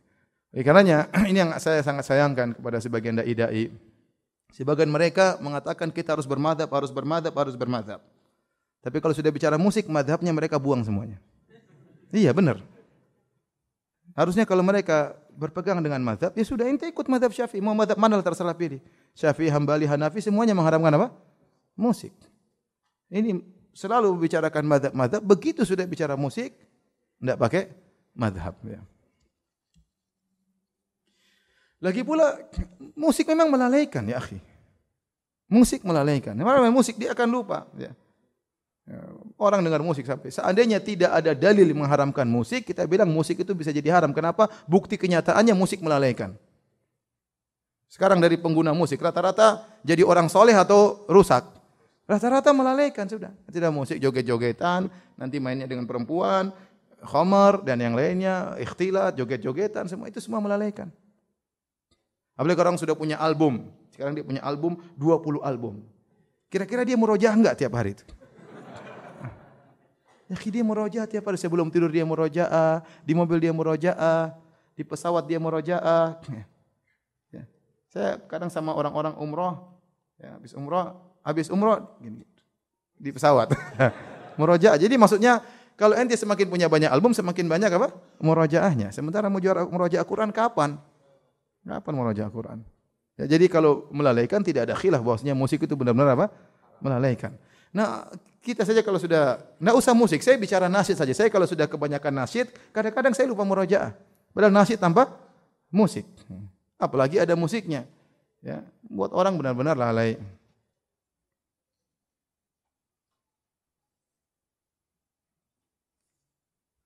Sudah siang ya?